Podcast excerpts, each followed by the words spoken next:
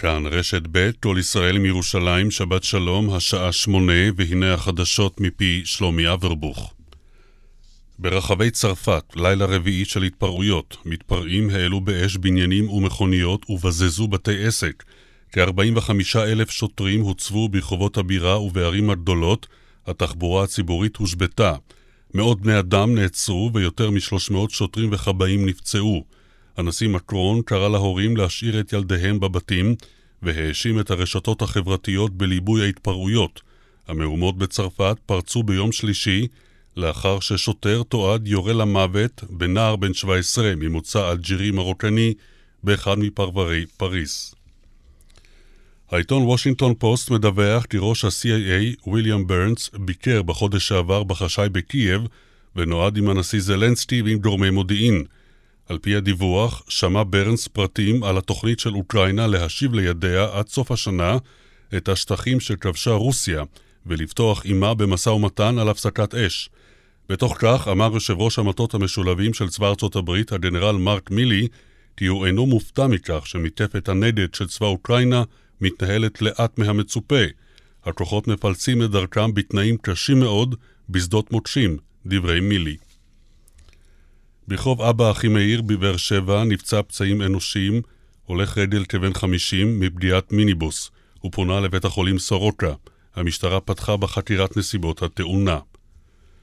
סמוך לחניון פארק גני יהושע בתל אביב נדקר גבר כבן שלושים, אזרח מולדובה, מצבו קשה. צוות מגן דוד אדום פינה אותו לבית החולים איכילוב. המשטרה עצרה שלושה חשודים נתינים זרים במעורבות במעשה. עורכת החדשות הילה מרינוב, הרחבות וידיעות נוספות באתר כאן וביישומון. התחזית מיד. התחזית לערב, ישראל עושה היסטוריה ברבע גמר היורו. ישראל נגד גיאורגיה ברבע גמר היורו עד גיל 21. הערב בשבע, בכאן 11 ובכאן בוקס בטלוויזיה ובכאן רשת ב' ברדיו. היום עלייה בטמפרטורות, בעיקר בהרים ובפנים הארץ, מחר בלי שינוי, ביום ראשון וביום שני עוד התחממות. עד כאן החדשות, כאן רשת ב'.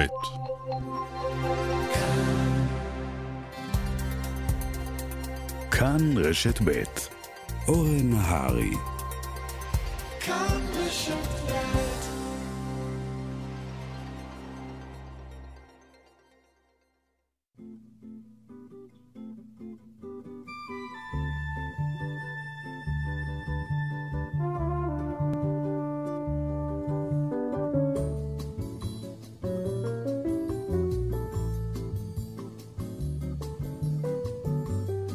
בוקר טוב ושלום רב לכם, המאזינות והמאזינים, שבת בבוקר, והכנו לכם תוכנית מגוונת, מרתקת. כרגיל ננדוד בין ההיסטוריה להווה, לעתיד, בין אירועים ותהליכים לבין תרבות ומדע. מפיקה ועורכת משנה כתמיד, מאיה טלמון עזרזר, על הביצוע הטכני אמיר שמואלי. תרשו לי לומר לכם, צוות יוצא מן הכלל. אני אורן נהרי, מתחילים.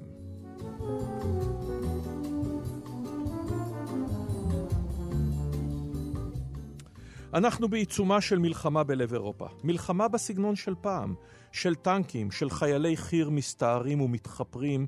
אנו במערכה מתמשכת כאן של פשיטות מסתערבים במחנה פליטים ג'נין, תקיפות מהאוויר באמצעים מדויקים בסוריה. כוחות צבא פועלים ברגע זה בעשרות מדינות נגד מורדים, מתקוממים, טרוריסטים. ואת כל אלה מתווכת לנו התקשורת. אז בואו נדבר קצת על האנשים הנמצאים שם בחזית ומשתדלים להעביר לנו מידע. העיתונות, נאמר פעם, היא הטיוטה הראשונה של ההיסטוריה. אז נדבר הבוקר על מקצוע הכתב הצבאי.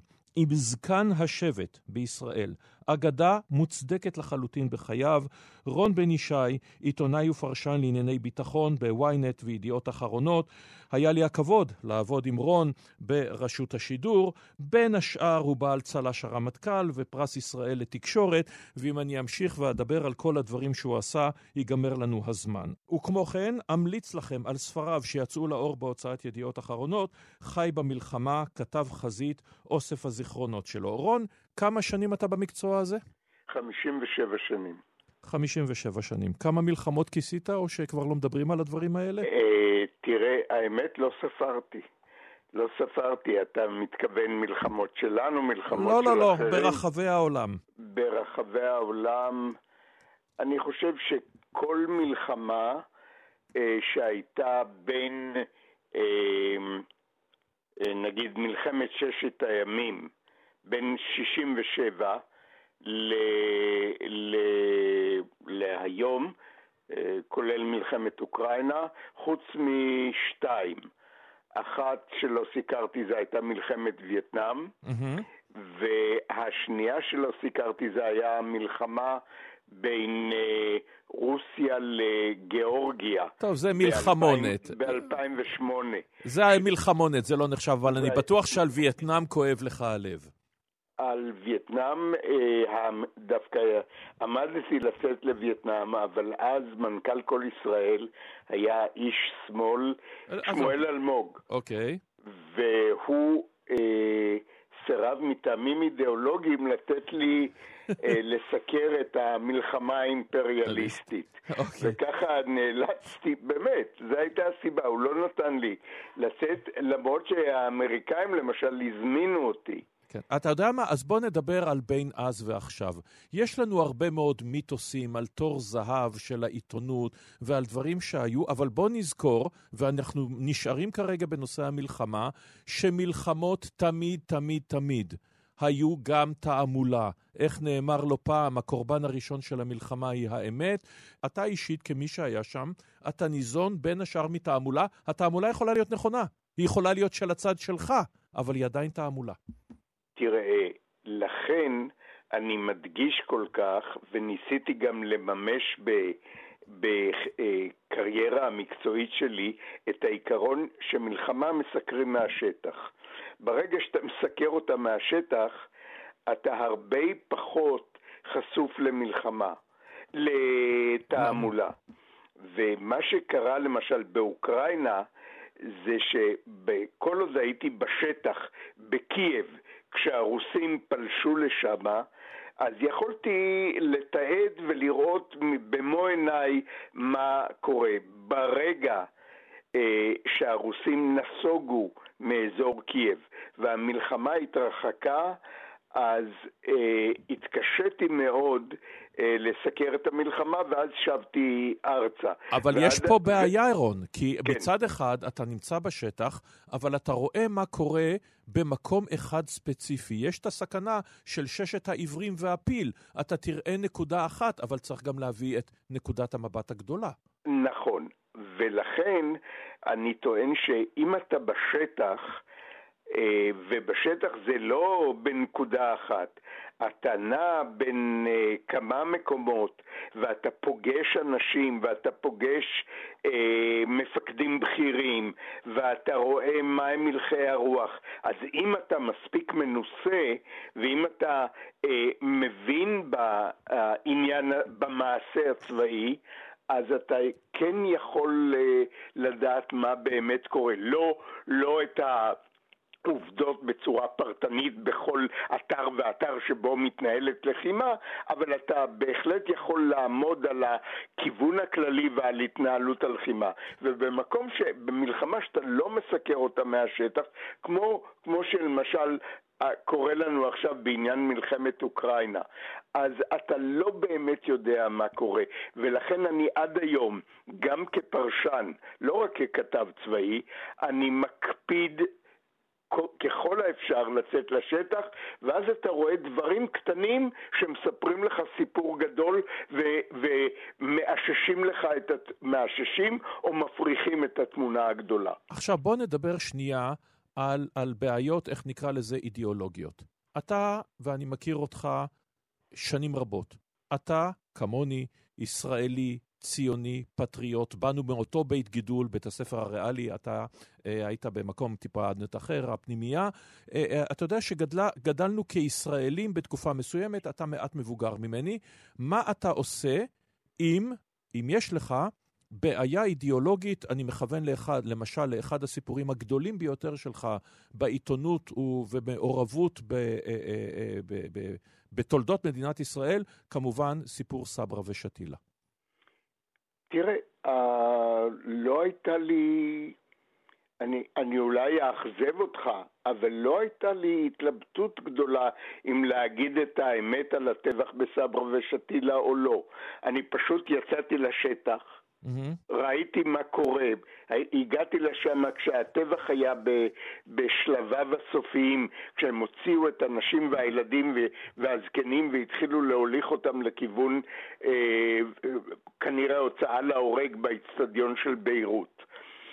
ולא היה לי שום בעיה אה, לדווח את זה, אם לדווח או לא לדווח, ואם זה, זה אנחנו עשינו או לא עשינו, מבחינתי כעיתונאי, סיפרתי את העובדות ומהר ככל האפשר ובצורה מלאה ככל האפשר ובצורה אמינה, מה שלא ידעתי נגיד אני, אני ראיתי מה קרה במחנה הפליטים בשתילה, כן. אבל מיד ניגשתי ובדקתי מה קורה ב, נגיד במחנה הפליטים סברה, שהוא אה, קצת מצפון ל, למחנה הפליטים בשתילה, ו... ו לא, לא היה לי שום התלבטות. אבל בוא אני אלך איתך טיפה... גם במקרים אחרים. רגע, בוא נניח... גם בקראמה, כשסיקרתי את קראמה, הייתי כן. במבצע קראמה. Mm-hmm. חזרתי, אה, מי שבלם אותי והיו לי תמיד התנגשויות בגלל זה, זה גם הצנזור וגם דובר צה"ל, ברור.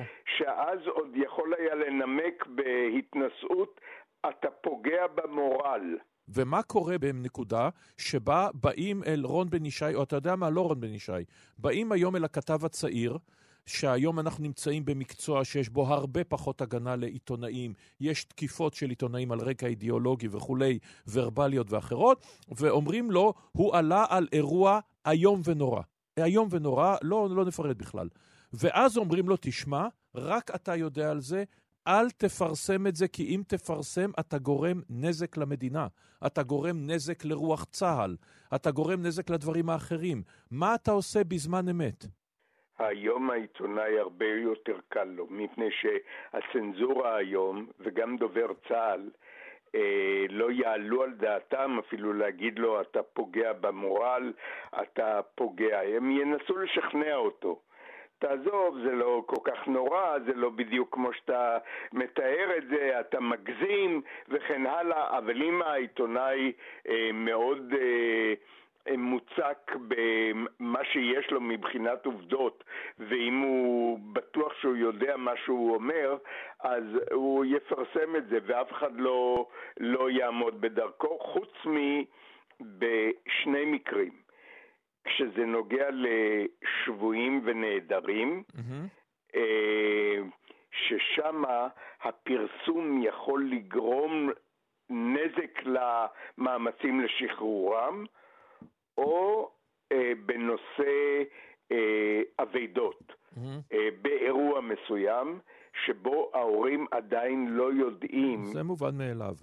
וכן, אז, אז הדברים האלו, אבל היום, היום, תראה, יעשו ניסיון, יעשו ניסיון להגיד לך, ו- ו- וזה קורה אה, אפילו אתמול, כן? אה, זה, זה קורה תדיר, אבל השיקול, המילה האחרונה היא של העיתונאי. של העיתונאי ושל המערכת שלו. אתה יודע, לפעמים פונים למערכת, ואז המערכת בולמת את העיתונאי, אבל העיתונאים היום להפך. אני טוען שהעיתונאים היום, אה, אה, אה, ובכלל זה גם אנחנו, הכתבים הצבאיים, אנחנו, היד, האצבע שלנו על ההדק אה, זריזה מדי. ולפעמים אנחנו מספרים דברים בלי לבדוק את העובדות, ו, ומה שיותר חמור מזה, לא כל מי שמדווח על ענייני אה, ביטחון וצבא מבין לעומק את הנושאים שהוא מדווח עליהם, וכתוצאה מזה הציבור מקבל שירות לא טוב. הוא מקבל אינפורמציה לא איכותית. לא איכותית, ובגלל זה לפעמים מטעה. אבל הבלמים... וכמובן, כמובן גם יש את המקרים שכולנו זוכרים אותם מההיסטוריה בין השאר של ישראל, אה, שכאשר אה, כתב צבאי, נניח יש לו מקור מעולה אחד, אבל אדם שיש לו חשבונות אישיים בצמרת הצבא עם אחרים, ברור. ואז הוא מדווח את... למה רק בצמרת הצבא? כן. זה יכול להיות בצמרת המוסד. אתה צודק לגמרי, אבל אני מדבר ספציפית על נניח המקרה של אורי דן ואריק שרון, ואחרים כן. אז שניזונים מהאנשים שהם נגד שרון, אז זה בעיה שקיימת כמובן לא רק בסיקור הצבאי, היא קיימת כמובן גם בסיקור המדיני והכלכלי כן. ואחרים, אבל ברור. פה זה דיני נפשות. תראה, מערכת היחסים שבין מקור לעיתונאי היא, היא נושא מאוד עדין, וקל מאוד לעיתונאי להתמכר ולהתמסר למקור שמזין אותו באינפורמציה אה, שלרוב היא טובה, אבל משתמש בו במקרים אה, מסוימים בצורה לא לגיטימית, באמצעות אה, דיסאינפורמציה, באמצעות אה, אה, הטעיה, באמצעות אה, זה שהוא לא מספר לו את כל האמת אלא רק את חלקה, או מסית אותו נגד אנשים אחרים. אבל לא נפתור את כל בעיות התקשורת בשיחה הזאת. תודה רבה לך על הדברים האלה, רון בן ישי. תודה לך, אורן. ומכאן לדמוקרטיה, נושא שאני עוסק בו לא מעט, גם בתוכניות האלה. מהי בעצם דמוקרטיה? האם רק דמוקרטיה ליברלית? האם חוקה הכרחית, או הכרחית לישראל? מדוע בעצם הדמוקרטיה נמצאת במשבר? מדוע אנשים החיים בדמוקרטיות מרגישים לעיתים שהמשטר הזה אינו טוב, או אינו מספיק טוב? אז בואו נתחיל עם קזבלן.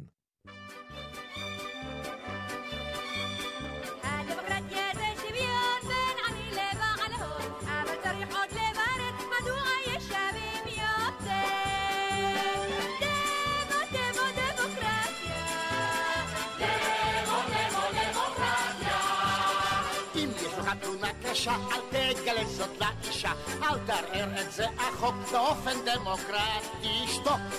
דמו, דמו, דמוקרטיה, דמו, דמו, דמוקרטיה. הספרדים אצלנו רוב, אך מי יושב אצלנו טוב? אשכנזים וזה לא צחוק, כי הם המציאו את החוק. זה היה לפני 60 שנה, אם אני לא טועה, משהו כזה, ונרדמה כאילו לעיתים זה בא מכותרות, או לפחות כותרות פופוליסטיות של היום. שלום פרופסור ליאב אורגד. שלום אורן. מנהל מכון רובינשטיין לאתגרים חוקתיים באוניברסיטת רייכמן, ראש קבוצת המחקר אזרחות דיגיטלית במכון למדעי החברה בברלין והאוניברסיטה האירופית בפירנצה, וגילוי נאות, אני עמית מחקר במכון רובינשטיין, ועובד עם ליאב, מה שרק אומר שאני אקשה עליו יותר. בשמחה. אה, בוא נתחיל. הדמוקרטיה היא אכזיבה? הדמוקרטיה אכזיבה במובן הזה שאנשים לא מרוצים מהדמוקרטיה. אם אתה לוקח את הסקר האחרון של מכון פיו משנת 2020, יש לך קרוב ל-20 מדינות שיותר מ-50% מהאוכלוסייה אומרים שהם לא מרוצים מתפקוד הדמוקרטיה במדינה שלהם.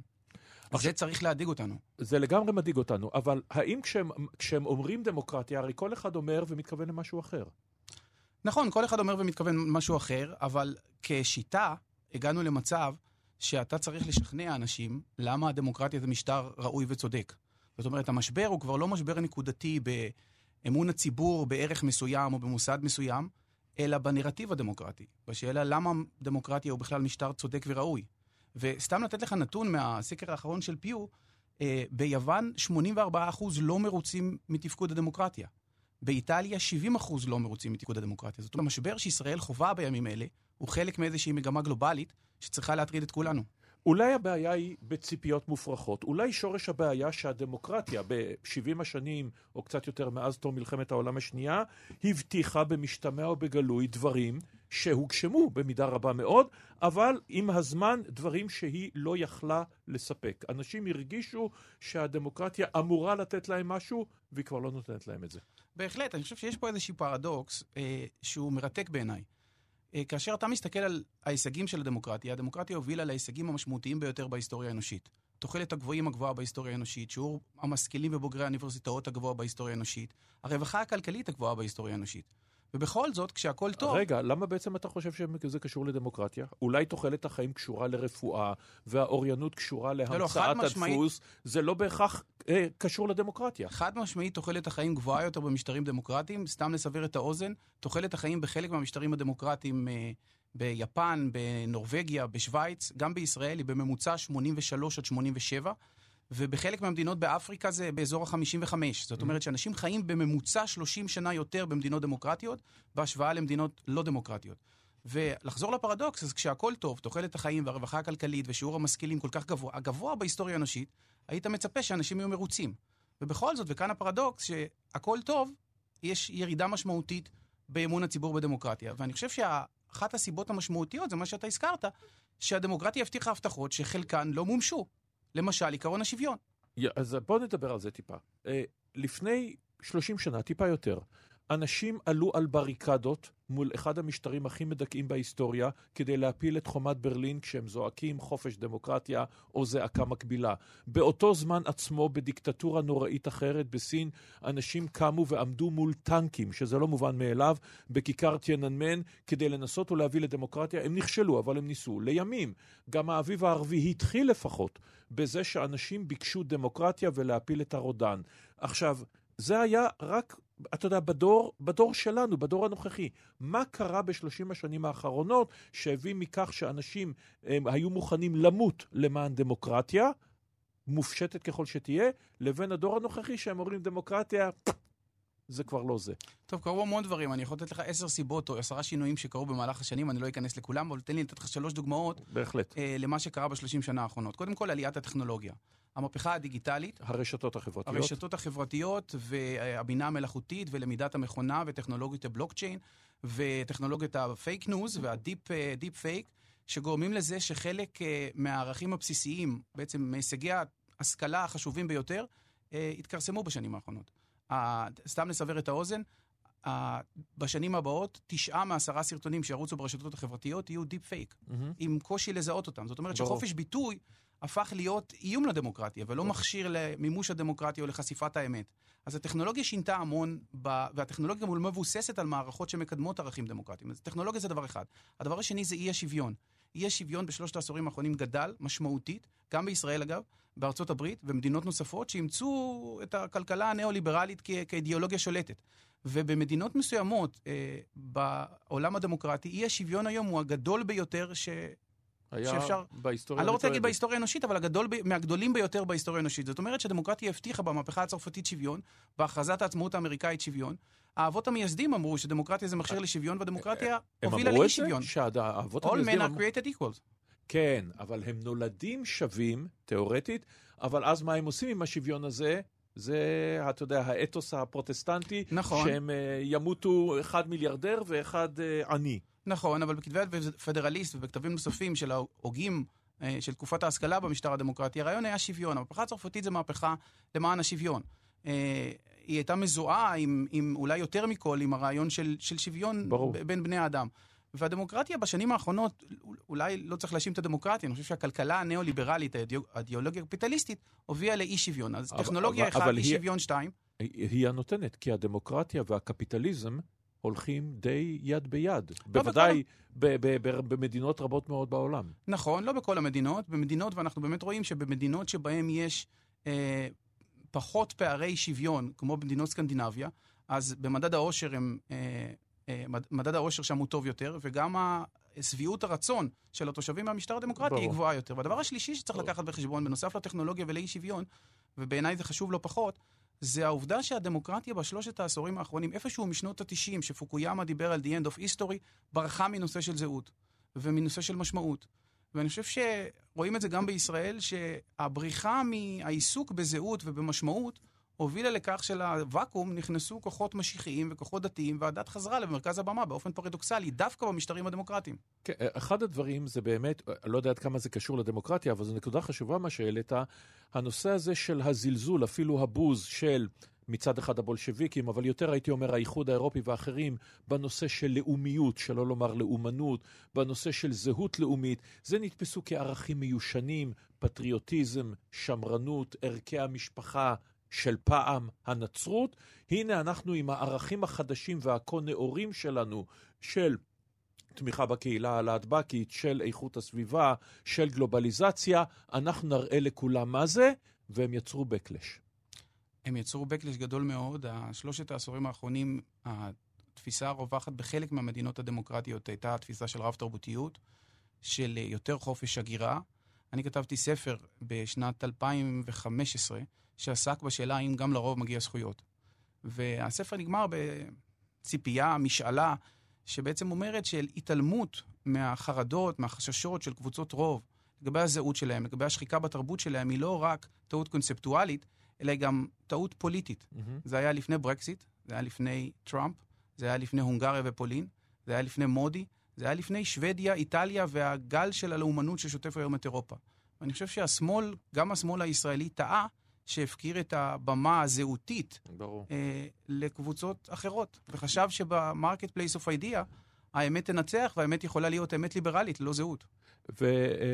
ובסדנה שאנחנו מעבירים, אתה יום אחד דיברת על הניסיונות לתקן, או מחשבות, נקרא לזה ככה, אבל בעצם המחשבות האלה חותרות תחת הדבר הכי בסיסי בדמוקרטיה, או חותרות אה, תחת הדבר הכי בסיסי לכאורה, של one man one vote. למשל, שאם יש נושא שחשוב יותר לקהילה מסוימת, שהוא קריטי לקיומה, אבל לאחרים הוא פחות חשוב, אז אותם אנשים שזה קריטי לקיומם או ל- ל- ל- ל- ל- ל- לקהילה שלהם, יקבלו קול נוסף, או אולי אפילו שאנשים שהם אה, אה, חשובים יותר, אולי שהם עשירים יותר, אולי תורמים יותר לחברה, יקבלו אקסטרה קולות.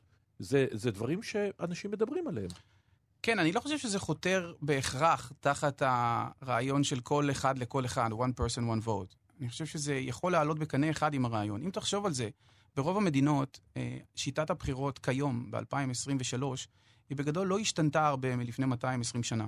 אה, שיטת הבחירות בארצות הברית, איך שהדמוקרטיה עובדת מבחינת הביטוי של ריבונות העם, קיים כיום כפי שזה היה קיים במידה רבה לפני 200 שנה. אנחנו מצביעים פעם בארבע שנים כעסקת חבילה, עם מעט מאוד השפעה על המועמדים שעליהם אנחנו מצביעים, ואתה לא יכול לפצל את ההצבעה שלך לפי נושאים. אתה לא יכול לומר, אני מצביע למפלגה א' בנושא כלכלי, למפלגה ב' בנושא ביטחוני, ולמפלגה ג' בנושא, לא יודע, אה, דתי. תרבות ו- וספורט. היום, מבחינה טכנולוגית, אם היית שואל 100 אנשים רנדומליים ברחוב, האם הייתם מעצבים את השיטה הדמוקרטית בהינתן האפשרויות הטכנולוגיות כיום, כפי שאנחנו מנהלים דמוקרטיה בישראל, בארצות הברית, באירופה, אני ספק אם, ספק ב, אם, אם אנשים היו אומרים ש, שהתשובה היא כן. יש המון אפשרויות היום למדוד דברים שלא היה אפשר בעבר, ואחד מהם קשור לעוצמת החשיבות שאתה נותן להצבעה. הדוגמה שנתנו בסדנה שלנו היא דוגמה של ברקסיט, שבריטניה החליטה לצאת מהאיחוד האירופי ברוב של 51 מול 49. כאשר ה, ה, אלה שהתנגדו להישארות באיחוד האירופי, הם בעיקר מבוגרים, אנגלים. נכון, הם בעיקר מבוגרים אנגלים, אבל יותר מזה, מי שרצה להישאר באיחוד האירופי, העוצמה של הבחירה שלו, העוצמה של, ה, של הרצון שלו להישאר באיחוד האירופי הייתה משמעותית יותר. אבל הבחירות לא דוגמות ולא מאפשרות למדוד עוצמות של, של העדפות. אתה שואל כן או לא. Mm-hmm. אתה לא שואל האם זה חשוב לך לא ברמה של 2 או 7 או 9, ואתה לא שואל אותו דבר כן. היום אפשרויות למדוד דברים נוספים. למשל עוצמות, אבל גם דברים נוספים שקשורים לידע, אה, לא בהכרח לכסף, אני לא חושב ש, שהרעיון היה לתת לאנשים... או, או יותר... למשל, דוגמה נוספת שעכשיו אתה הזכרת, שנבוא ונאמר עם פתק הבחירות, בואו נניח שיש עשרה נושאים קריטיים, סתם זרקתי, במדינת ישראל, בואו נבוא ונאמר איך אתה מחלק את עוגת ההצבעה שלך בהתאם לדברים שחשובים לך. בהחלט. שאתה אומר, אני רוצה בכלכלה את X, אבל בנושא ביטחון אני רוצה את Y. בהחלט, אז יש מודלים טכנולוגיים אה, שחלקם כבר הם פיילוט שמנוסה בעולם. זה נקרא Liquid Democracy, אה, נדמה לי שבעברית אומרים דמוקרטיה נוזלית או דמוקרטיה נזילה, והרעיון הוא שאפשר יהיה לפצל את ההצבעה בהתאם לנושאים ולעשות דלגציה, האצלה של ההצבעה על בסיס אפילו יומיומי, לפי נושאים ולפי אנשים שאתה סומך עליהם. אה, זה קורה באיטליה, זה קורה בספרד. כל מה שאני מנסה לומר זה לא בהכרח לאמץ שיטה כזו או אחרת. אני חושב שצריך, התחלנו מזה שהדמוקרטיה במשבר, מהנתונים הדי מפחידים, אני חושב, ש-80-70 אחוז מהציבור במדינות מסוימות לא מרוצה מהדמוקרטיה. והשאלה היא, מה עושים עם זה? אפשר להאשים אותם, ולומר שצריך להחליף את הציבור, ושיש קבוצה קטנה של אנשים שיודעת מה, מה, איך צריכה להתנהל דמוקרטיה. אפשר להיות קשובים להם, ולנסות להשתמש באמצעים הטכנולוגיים כדי להמציא מחדש את הדמוקרטיה. היא שאלה בהקשר הזה. האנשים האלה ביוון, באיטליה, שלא מרוצים, הם לא מרוצים מהדמוקרטיה, או הם לא מרוצים בדמוקרטיה במדינה שלהם, כפי שהיא מתבטאת אצלם? הם לא מרוצים מהדמוקרטיה במדינה שלהם, בוודאי. אבל ההבדל הוא לא מאוד משמעותי, מכיוון שאנשים שלא מרוצים מהאופן של תפקוד הדמוקרטיה במדינה שלהם, הם אנשים ש... זה מה שהם מכירים. בדיוק, והם יהיו מוכנים לשקול דברים נוספים. אני חושב שהאפשרויות הטכנולוגיות, כמו המודלים שהזכרנו, אבל גם מודלים אחרים, אה, מעניקות היום אה, אפשרויות לחשוב מחדש על מה זה דמוקרטיה, על מה אנחנו רוצים למדוד כשאנחנו אומרים כל אחד לכל אחד. האם זה רק העדפות או גם עוצמות של העדפות?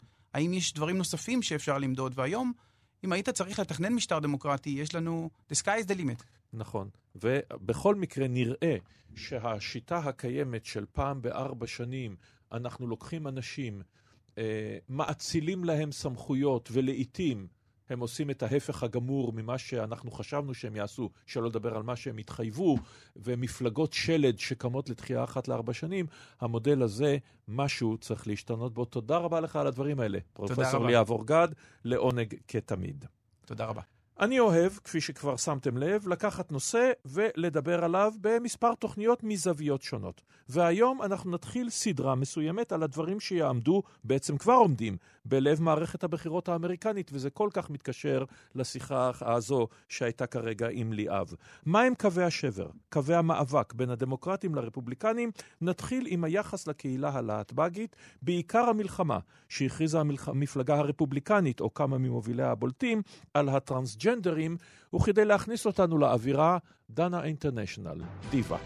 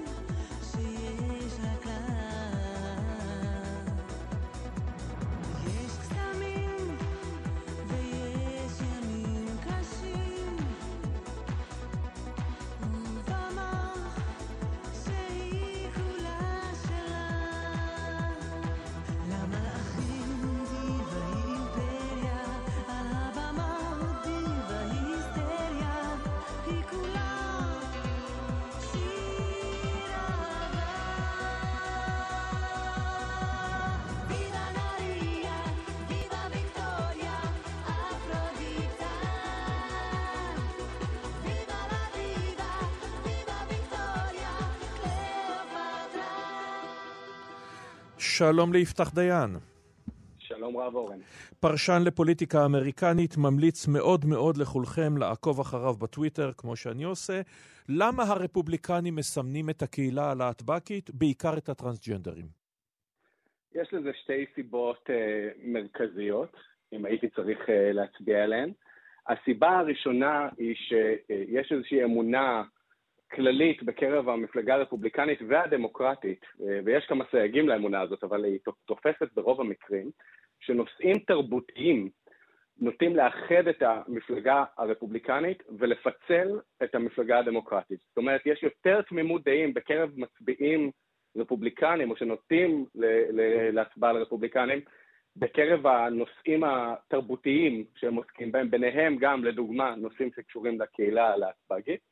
ובמפלגה הדמוקרטית יש פחות ממודעים, ויש אה, אפילו אנשים שההשקפות שלהם לא עולות בקנה אחד עם אלו של המיינסטרים בצד הדמוקרטי, בעוד שבנושאים כלכליים המצב הוא הפוך. זאת אומרת, זאת אומרת מה שאתה אומר פה זה ציניות, ואני לתומי חשבתי שמדובר באידיאולוגיה, ערכי המשפחה, נצרות, אב, אה, משפחה זה רק אבא ואימא, וילדים אה, כמובן שכולם סטרייטים, לא? זה כן אידיאולוגיה, אה, וזו אידיאולוגיה שמחזיקים בה בעיקר גורמים ספציפיים בתוך המפלגה הרפובליקנית שהם אה, מושכים את היתר.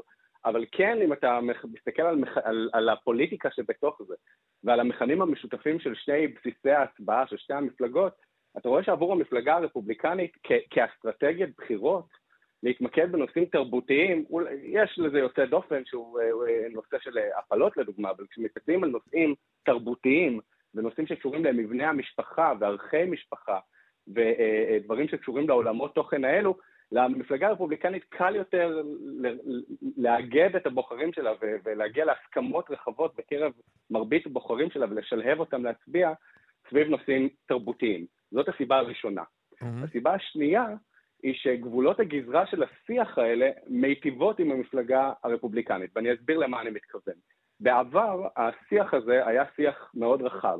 הוא עסק לדוגמה בשאלות כמו הזכות של זוגות חד-מיניים להינשא זה לזו. או עוד קודם לכן אפילו לקיים יחסי מין בין בגירים בהסכמה. נכון, תלוי כמה רחוק אתה הולך. ובעצם פסיקות בית המשפט העליון לאורך השנים, הן מה שקבע כאן, ופחות החקיקה ברמה הפדרלית, בסופו של יום די צמצמה את גבולות השיח. היום, למעשה היום, אלא אם כן בית המשפט העליון יחליט שהוא בוחן מחדש אה, את התקדים שהוא קבע, מה שכרגע לא עומד על הפרק, אין היום שאלה לגבי הלגיטימציה ואפילו החוקיות של אה, אה, נישואים בין זוגות חד-מיניים בכל רחבי ארה"ב מוגן על ידי פסיקת בית המשפט העליון ברמה הפדרלית. ואז מה נשאר לך בעצם? נשאר לך סוגיה שבעיני רוב הציבור, אם אני מתרומם רגע מרמת האדם לרמת איך רוב הציבור רואה את זה, נשאר, נשארה הסוגיה של הטרנסג'נדרים שהיא, יש פחות הסכמה רחבה לגביה, היא נתפסת כ... קצת יותר רחוקה מהמיינסטרים. פחות אהדה כלפיהם בציבור. בסופו של דבר, פחות קבלו עדכני לשעה זו בקרב המיינסטרים, מאשר הומוסקסואלים ולסביות. נכון, מהסיבה הפשוטה, אם רוצים להסתכל על זה במונחים הכי פשוטים, שפשוט יש פחות מהם, מאשר לדוגמה אנשים חד-מיניים, בעלי נטייה חד-מינית שרוצים להקים משפחה. ולכן ההזדהות שאנשים צריכים כדי ליצור איתם היא, היא כזאת, היא דורשת הליכה רחוק יותר מבחינה ערכית. זה אומר שהיום הרפובליקנים רואים שבגבולות הגזרה של הדיון, שמתמקד בטרנסג'נדרים ובחלק שלהם בחברה ובלגיטימציה שמערכות ציבוריות נותנות להם, זה דיון שהם מרגישים בנוח פה, כי בהינתן גבולות הגזרה האלו, יש יותר אה, הסכמה כללית אה, עם העמדה שלהם, מאשר עם העמדה של המפלגה okay, הדמוקרטית. אז, אז מה הם אומרים בעצם? הם מעבר לדברים שהם אומרים, תורידו את הידיים שלכם מהילדים שלנו, כלומר, הם מזהים בציניות מרושעת, וכמובן לא, לא נכונה עובדתית, אה, אה, טרנסג'נדרים עם פדופיליה ועם דברים אחרים. מה בעצם אומרת המפלגה הרפובליקנית? מה, מה אומר רון דה סנטיס? מה, מה הוא יעשה בפועל אם הוא ייבחר לנשיא? רון דה סנטיס הוא, שהוא באמת אה, אולי אחת הדוגמאות הכי בולטות במפלגה הרפובליקנית בזרמי החקיקה האלו. אה, מה שהוא אומר זה תלוי מתי אתה תופס אותו, כי הוא עובד קצת בשיטת הסלאמי, אבל האמירה הכללית שלו היא קודם כל שאין מקום לשיח על זהות מינית ועוד יותר על זהות מגדרית בגילאים מסוימים. זאת הייתה האמירה, אמירת הסף הראשונה שלו. הוא אמר אותה לפני שנה כשהוא העביר את ה...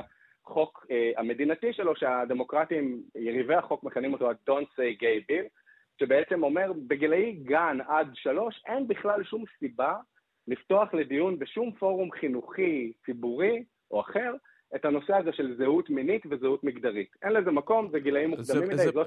אבל זה גם אה, הגיע לכל גיל במערכת החינוך. עד גיל 18. ומכאן, ומכאן שיטת הסלאמי.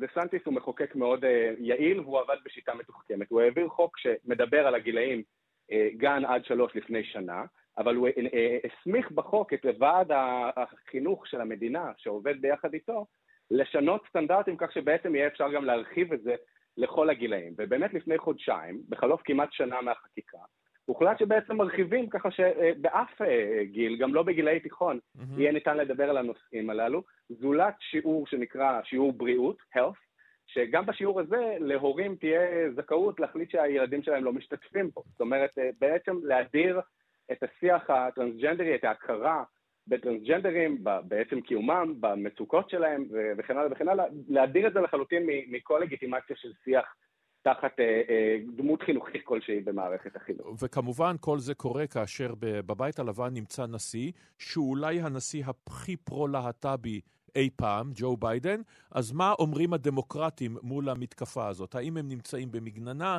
האם הם אומרים, כן, גם אנחנו בעצם אה, קצת איתכם, או שהם מתייצבים, או המיינסטרים המפלגתי, מתייצב לצד הטרנסג'נדרים המותקפים אה, אה, ורבלית ופיזית. הדמוקרטים מתייצבים לצד הלהט"בים. ההתנגדות לחקיקה של רון דה סנטיס וגם של מושלים רבים רפובליקנים שבאו בעקבותיו היא התנגדות אה, די שנמצאת במיינסטרים של המפלגה. אין המון שהם יכולים לעשות מבחינת חקיקה ואין הצעות לחקיקה פדרלית, לא משנה שכרגע אין להם כלים להעביר כזו גם אם היו רוצים, כי הם לא שולטים בבית הנבחרים, בבית התחתון, אבל אין, אין שיח משמעותי על חקיקה כלשהי שתכפה על מדינות אה, איזשהו כיוון, אבל בהחלט יש אה, קמפיין מאוד מאוד אה, אינטנסיבי נגד העמדות האלו ונגד החקיקות האלו. הגם שהדמוקרטים יודעים שהם בעמדת מיעוט, הם כן נשענים על התקדים ההיסטורי שככל שהזמן עובר, זכויות אדם, גם בהקשר של נטייה מינית, ואולי בהמשך גם נטייה מגדרית, זה כן דבר שהוא, אה, אה, יש לו איזשהו אופק. זאת אומרת, ככל שהזמן עובר, הנטייה של המצביעים היא לקבל את העמדות האלה יותר ויותר למיינסטרים. לפסיקה של בית המשפט העליון אה, אה, אה, הייתה, היה חלק משמעותי לזה, אתה ציינת את ג'ו ביידן כנשיא שהוא בן ברית, ג'ו ביידן חייבים לציין, בעצם הביע תמיכה פומבית לדוגמה בנישואים חד מיניים עוד לפני ברק אובמה, כאשר הוא היה סגן נשיא, ובמידה מסוימת דרדר את אובמה להביע תמיכה גם כן. זאת אומרת, יש לו רקורד מאוד ארוך, ארוך שנים בתמיכה בקהילה הלהט"בית. ובאמת בהקשר הזה אפשר להגיד שהמפלגה הדמוקרטית לא מתביישת, למרות שהיא לפעמים מרגישה שהיא בעמדת מיעוט, לא מתביישת להביע בפומבי אה, את עמדתם, אבל הרבה הם לא יכולים לעשות בשלב זה כדי לשנות את הפוליטיקה שקורית במדיר, ברמה המדינתית. תודה רבה לך על הדברים האלה, יפתח דיין, פרשן לפוליטיקה אמריקנית, וכמובן, אנחנו נמשיך ונשוחח לא מעט בכל השנה הקרובה עד אה, נובמבר 2024 על אה, שורת הדברים שיעמדו במרכז מערכת הבחירות המרתקת, וצריך לומר גם הדי משונה הזו, אבל זה כבר סיפור אחר. תודה לך על הדברים האלה. בשמחה. וכעת במסגרת הפינה המתמשכת שלנו 2050, איך ייראה העולם ב-2050? או לעיתים לאור קצב ההתרחשויות וההמצאות עוד הרבה קודם לכן, אז היום חינוך. שלום לפרופסור יולי תמיר. שלום וברכה. נשיאת המכללה האקדמית בית ברל, שרת החינוך לשעבר, באנגלית education, לשם שינוי העברית יותר עשירה מהאנגלית, והמילה האנגלית הזו בעברית היא בעצם שתיים, שונות, חינוך והשכלה. מה ביניהן?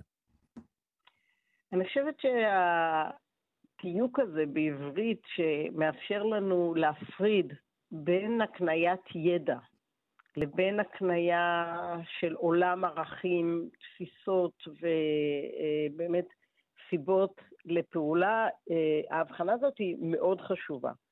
כי בדרך כלל כשמדברים על החינוך, לצערי אנחנו מדברים יותר ויותר על הצד ה...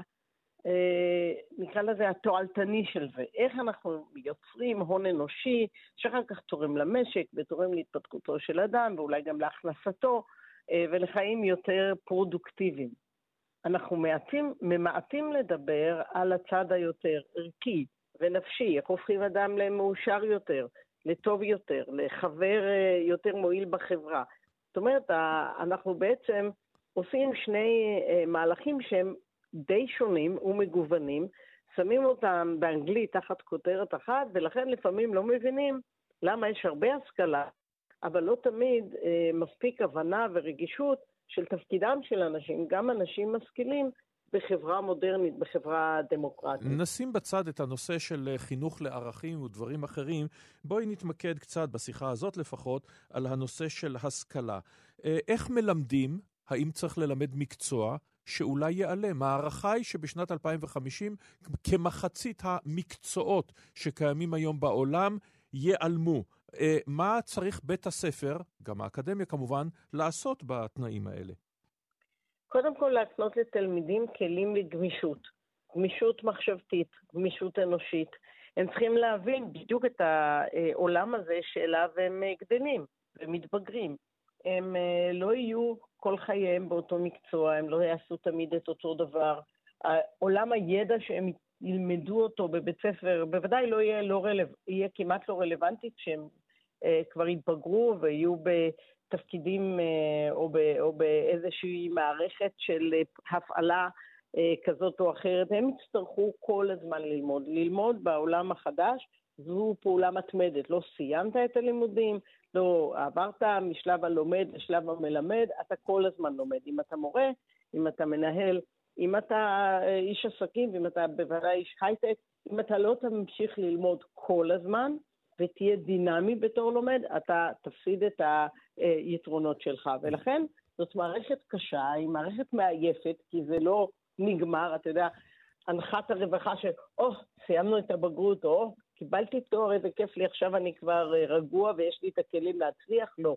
הכלים של ההצלחה היום אה, טמונים בגמישות, ביכולת להתמיד, ביכולת להישאר סקרן, וביכולת לשכוח את כל מה שלמדת קודם, שאולי זאת המטלה הכי קשה שיש לנו, כי אנחנו כל הזמן צוברים עוד ועוד ידע שהופך פחות ופחות רלוונטי, הוא אה, מעמיס לנו על הזיכרון ועל המוח, ואנחנו צריכים לדעת להשתחרר גם וללמוד דברים מחדש. ואגב, מי ילמד? אנחנו היינו בעולם, עד לפני נניח כמה עשרות שנים, שבו המורה, בין השאר, היה הדמות הסמכותית, האדם בעל הידע, אה, זה שבא ואומר לתלמידים מה לעשות, השיטה הקונפוציאנית, והתלמידים נשאו את עיניהם אליו, בואי נניח שזה מה שהיה, אה, זה היה במידה מסוימת. היום אנחנו בעולם שבו התלמידים, בני הנוער, בתחומים רבים מאוד יודעים הרבה יותר מהמורה, ובעתיד, מה אולי בינה מלאכותית? מי, מי יהיה זה שיוכל ללמד אה, בצורת הגמישות המחשבתית שאת מדברת עליה, לא רק בישראל, בעולם כולו? אני חושבת שבאמת אנחנו עוברים אה, תהליך של חילופי אה, פרדיגמות. בעצם המורה יתווך את הידע, יעזור לידע להיכנס אה, לעולם המחשבה של הילד. הילד יצטרך ללמוד לבד, גם יעשה את זה טוב ואולי יהיה אפילו יותר מעניין. המורה יצטרך ללוות. בתור מלווה הוא צריך לעזור גם רגשית, גם מעשית, גם חברתית, כי בית ספר נועד לא רק לידע, הוא נועד לעשות חברות, הוא נועד ליצור אה, בין ילדים יחסים אנושיים, הוא נועד ללמד ילדים לחיות אה, בחברה, הוא נועד אה, ללמד ילדים להתמודד עם הקשיים שלהם, לא לכולם קל ולא לכולם קל באותו תחום. אז המורה צריך להיות מתווך בין העולם הזה שפתוח ופרוץ ואפשר לדעת בו הכל בלי אף אחד, לבין הילד כבן אדם והכיתה כקבוצה ובית הספר וגם אולי אחר כך הקהילה והמדינה. אז יש תפקיד מאוד חשוב למורים, אבל הוא לגמרי לגמרי שונה מהתפקיד שהיה בעבר, ואני יכולה להגיד לך שאנחנו במכללת בית ברל פשוט לוקחים ומשנים באופן יסודי ומהותי את הכשרת המורים שלנו. כי אין טעם להכשיר מורים כמו שפעם הכשרנו אותם, זה פשוט פחות ופחות רלוונטי, צריך להכשיר אנשים שיודעים להוביל תהליכים, שיודעים ללמוד בעצמם, שיודעים ללמד איך ללמוד, והרבה פחות חשוב אם הם מומחים בתחום ידע כזה או אחר, זה כבר לא רלוונטי אה, בעולם שאנחנו חיים בו. ואם אנחנו בנושא הזה של החינוך במילה, האם אנחנו בעידן של סוף החינוך הממלכתי בישראל, בעולם? אני מאוד מקווה שלא, כי חברה שאין בה חינוך ממלכתי, מדינה שאין בה חינוך ממלכתי, הפערים החברתיים גדלים, הסולידריות החברתית פוחתת והיא אה, מתפרקת עוד יותר מהר ממה שמתפרקות חברות היום. אז בעיניי לא צריך להכניס את כל הדברים האלה שאנחנו מדברים עליהם לחינוך הממלכתי. לכל ילד מגיע לקבל הכנה ראויה לימים הלא פשוטים שיעברו על הדורות הבאים, ואנחנו כמדינה צריכים לטפח את הילדים מכל השכבות ומכל המגזרים להגיע לשם. תודה לך על הדברים האלה, הפרופסור יולי תמיר, לשעבר שרת החינוך ונשיאת המכללה האקדמית בית ברל. תודה רבה.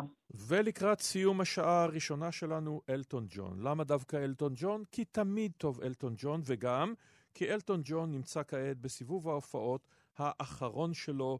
הוא מסיים את הקריירה הכה מפוארת שלו, הבלתי נתפסת שלו. המופע נקרא דרך האבנים הצהובות, על שם אולי להיטו הגדול ביותר, והנה השיר שלום לדרך האבנים הצהובות, אלטון ג'ון.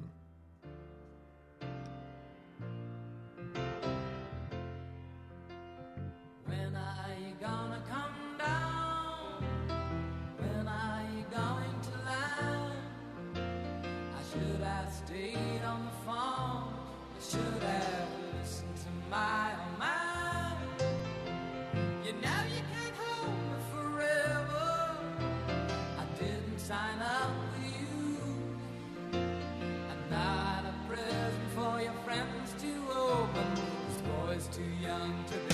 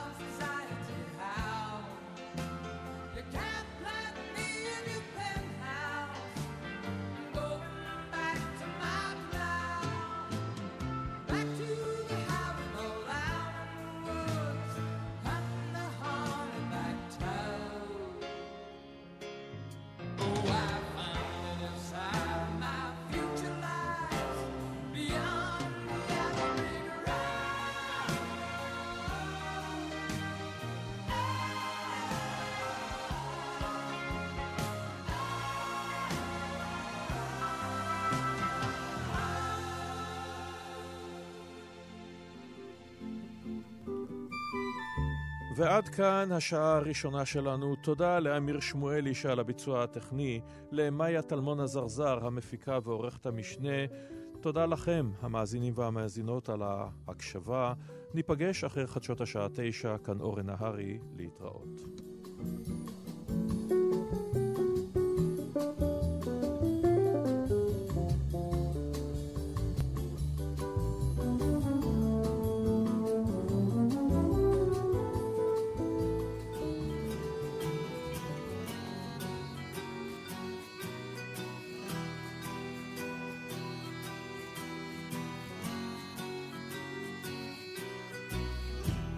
בתוך מיטה, מול קיר ענק כחול, קר וזול, לפעמים אתה נאנח בלי קול, ובכל זאת, אמא שם שומרת גם כשאתה גדול, מחליפה לך בגדים, אומרת שאתה מלך הגברים, בשבילה אתה יכול להיות מה שבא לך לראש.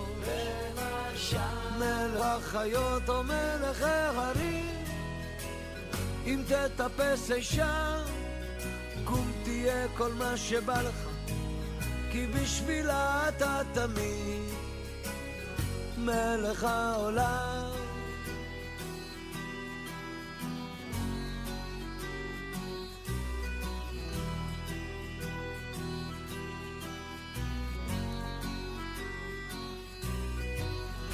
שם אתה תמיד, כל מה שתרצה, רק תבחר, כך אומרת היא, ואתה שואל, מה עוד אפשר?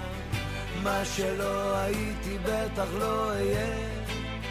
מחליפה לך בגדים, אומרת שאתה מלך הגברים, בשבילה אתה יכול להיות מה שבא לך לרוב. למשל. מלך החיות או מלך ההרים. אם תטפס אי שם, קום תהיה כל מה שבא לך.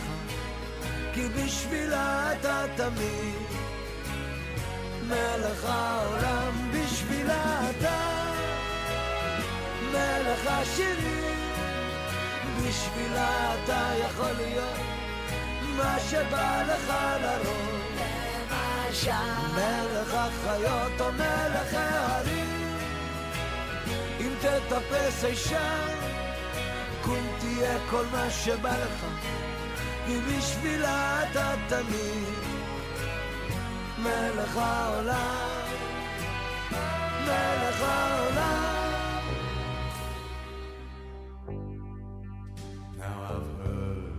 There was a secret chord that David played, and it pleased the Lord. But you don't really care for music, do you? It goes like this the fourth, the fifth, the minor fall, the major lift, the baffled king composing.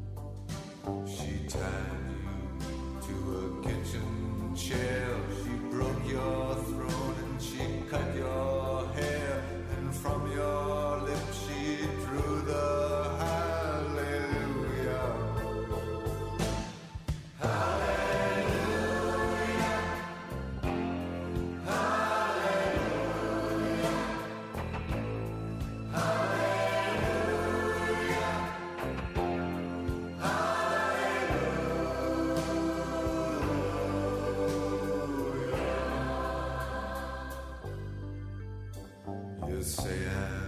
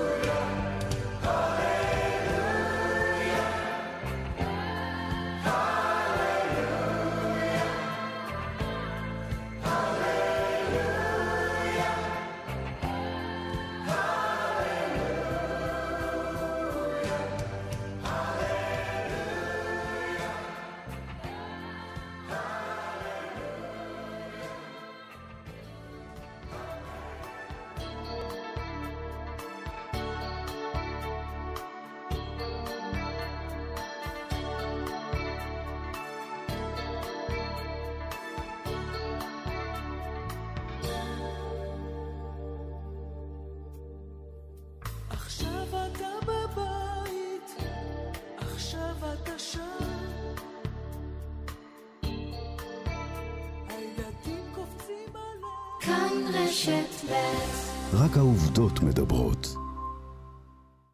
הקיץ החלומי של נבחרת ישראל נמשך. ישראל ברבע גמר אליפות אירופה לנבחרות צעירות. הערב, בכאן 11, הנבחרת הצעירה של ישראל בפעם הראשונה ברבע גמר היורו. הערב בשבע, בכאן 11 ובכאן בוקס בטלוויזיה ובכאן רשת ב' ברדיו. אורן נהרי, כאן, אחרי החדשות.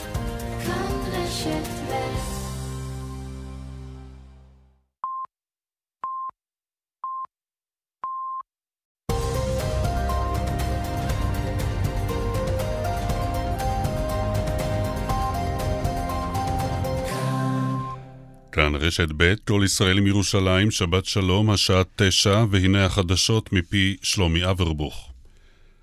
בבית החולים סורוקה בבאר שבע מת מפצעיו הולך רגל כבן 50 שנפצע מפגיעת מיניבוס ברחוב אבא אחימאיר. המשטרה חוקרת את נסיבות התאונה. בריטניה, אוסטרליה וקנדה קוראות לישראל לחזור בה מההחלטה להקים אלפי יחידות דיור חדשות בגדה המערבית ומביעות דאגה מהאלימות הנמשכת. בהודעה שפרסמו שרי החוץ של שלוש המדינות, נאמר כי ההרחבה הנמשכת של ההתנחלויות היא מכשול לשלום ופוגעת במאמצים להגיע לפתרון שתי המדינות. ראש האגף המדיני-ביטחוני במשרד הביטחון דרור שלום נועד בוושינגטון עם תת שר ההגנה האמריקני קולין קל. כתבתנו גילי כהן מוסרת כי השניים דנו בסוגיה האיראנית בשיתוף הפעולה הצבאי בין איראן לרוסיה, במלחמה באוקראינה ובהסלמה הביטחונית בשטחים. בהתפרעויות בצרפת זה הלילה הרביעי נעצרו כמעט 500 בני אדם. יותר מ-300 שוטרים וכבאים נפצעו. צעירים התעמתו עם שוטרים, העלו באש בניינים ומכוניות ובזזו בתי עסק. כ-45 אלף שוטרים הוצבו ברחובות הבירה ובערים הגדולות. המהומות בצרפת פרצו ביום שלישי, לאחר ששוטר תועד יורה למוות בנער בן 17 ממוצא אלג'ירי מרוקני באחד מפרברי פריז. הלווייתו צפויה להתקיים היום. סמוך לחניון פארק גני יהושע בתל אביב נדקר גבר כבן 30, אזרח מולדובה. מצבו קשה. צוות מגן דוד אדום פינה אותו לבית החולים איכילוב. המשטרה עצרה שלושה חשודים נתינים זרים במעורבות במעשה. עורכת החדשות הילה מרינוב, הרחבות וידיעות נוספות באתר כאן וביישומון. התחזית מיד. התחזית להערב, ישראל עושה היסטוריה ברבע גמר היורו. ישראל נגד גיאורגיה ברבע גמר היורו עד גיל 21. הערב בשבע, בכאן 11 ובכאן בוקס בטלוויזיה ובכאן רשת ב' ברדיו.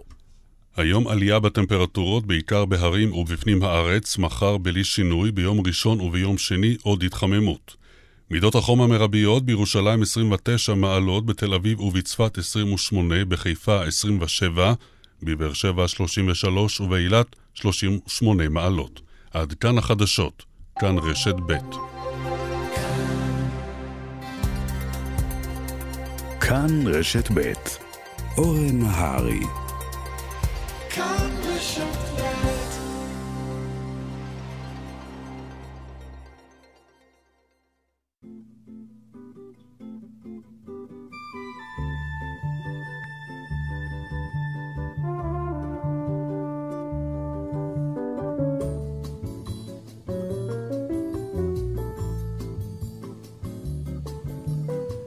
שלום רב, תודה לכם המאזינות והמאזינים ששבתם לתוכניתנו. ברוכים הבאים למצטרפות ולמצטרפים. עורכת משנה ומפיקה מאיה טלמון עזרזר, על הביצוע הטכני אמיר שמואלי, הפדנט להפליא וזה נהדר. אני אורן נהרי. אנחנו שנה בשעה. מתקדמים במאה ה-20 רבת האירועים והדרמות, אנחנו ב-1913. ונתחיל בחיפה המנומנמת כמעה בימים כתיקונם, אבל ב-1913 פורצת בה מלחמה. מלחמת השפות. כמו הנביאים הקנאים לשם, הוא קינא לפועל ולתואר ולשם, ובחצות הששית בחלונו, היה רושם במילונות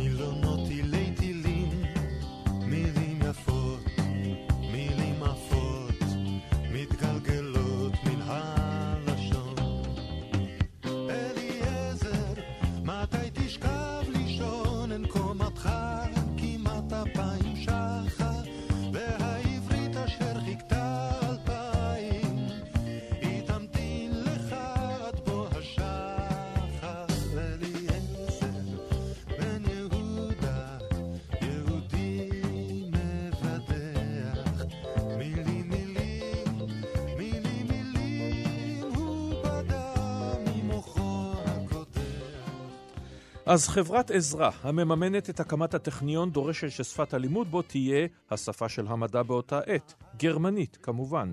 פורץ מאבק ציבורי דרמטי, וההחלטה הסופית היא ששפת הלימוד תהיה עברית. לימים, אולי לא באולמות ההרצאות, אבל לבטח בחומר הלימוד, גם הגרמנית וגם העברית יפסידו לאנגלית, אבל זה כבר סיפור אחר. ועדיין, באותה שנה, באותה עיר, ובאותה אווירה גרמנית, נוסד בית ספר. בית הספר שבו גם אני למדתי לימים, ואגב, גם רון בן ישי, שאותו אירחנו בשעה הקודמת, בית הספר הריאלי העברי בחיפה. שלום ליוסי בן דוב, מנהל הריאלי. שלום וברכה לאורן, בוקר טוב גם למאזינים.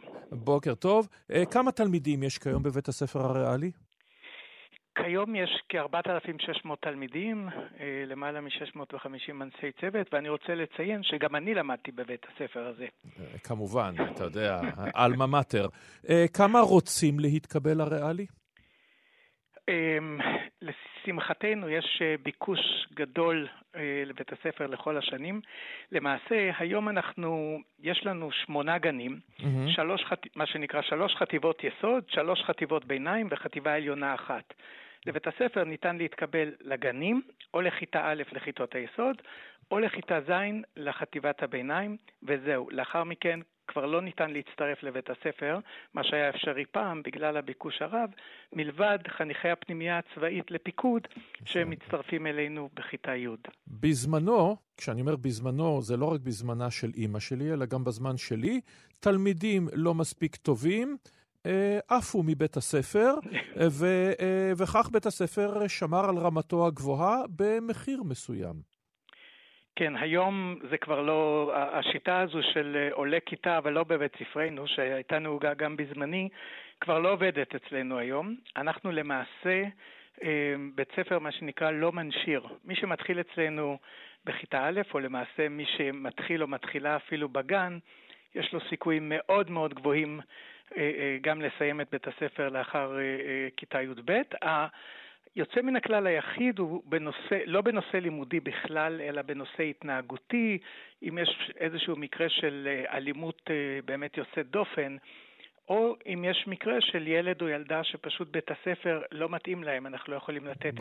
את מה שהילד או הילדה הזו זקוקים, אבל, אבל לא בגלל שמישהו קיבל איזשהו ציון גרוע בבחינה בהיסטוריה, בתנ"ך או במתמטיקה. עכשיו, בית הספר הריאלי הוא אחד מבתי הספר המיתולוגיים של מדינת ישראל, אין צורך לומר, ובית הספר גאה ובצדק, אה, ברבים ובטובים אה, שיצאו משורותיו, כלומר מנהיגי מדינה ו- ורמטכ"לים ואלופים, אה, מדענים, שופטים, כל הדברים האחרים, אה, אבל, בוא נשאל אותך ככה. בית הספר הזה אה, ראה, בהמשך לשיחה שניהלתי קודם עם הפרופסור יולי תמיר, חינוך ולא רק השכלה. והחינוך, בדור שלי, אני מניח אולי עד היום, אתה תתקן אותי אם אני טועה, היה חינוך מאוד ציוני, מאוד קונפורמיסטי. אין בזה דברים רעים, אבל בית הספר באיזשהו מקום לא חינך לחשיבה, איך נקרא לה, מרדנית, פורצת דרך.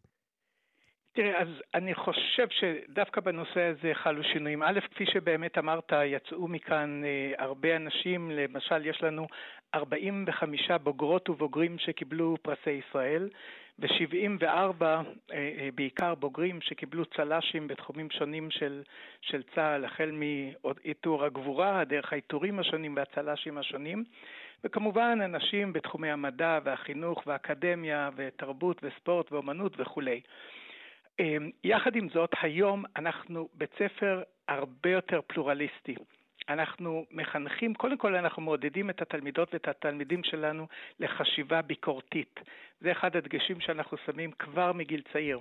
אתה יודע, מדברים היום הרבה על מיומנויות המאה ה-21, וזה, אין ספק שזו אחת המיומנויות החשובות. אז אם בעבר באמת, אתה יודע, בתקופתי למשל היה מותר כמעט רק ללכת לתנועת הצופים, ומי שהלך לשומר הצעיר או לנוער העובד הסתכלו עליו בעין כזו חצי עקומה, היום זה לא המצב בכלל. אנחנו מעודדים את הבנות ואת הבנים באמת לעסוק בפעילות כלשהן, כמובן לתרום לחברה.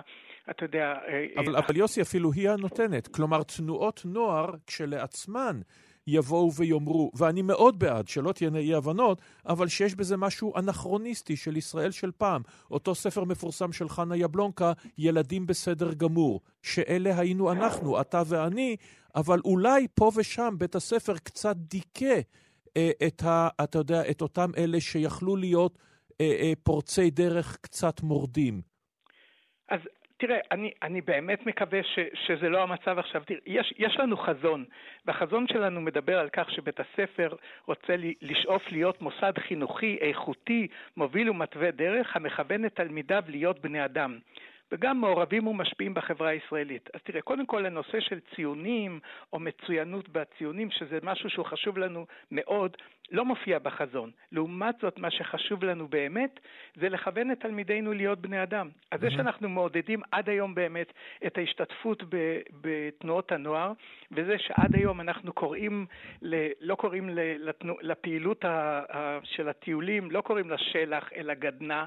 והבנות והבנים עדיין יוצאים עם מכנסי חקי ארוכים ועם נעליים גבוהות וישנים רק בשטח ולא באכסניות ומכינים אוכל על, על גזיות והולכים באמת הרבה קילומטרים, זה באמת חלק מהחינוך שאנחנו נותנים כאן, אבל אני לא חושב שזה במקום הנושא של, של, של חשיבה עצמאית וחשיבה ביקורתית, ואנחנו באמת מעודדים אותם. אתה יודע, קודם כל, יש לנו מה שנקרא סמינרים בשכבות י', י"א, י"ב, ומי, ומי שקובע את התכנים הם דווקא התלמידים.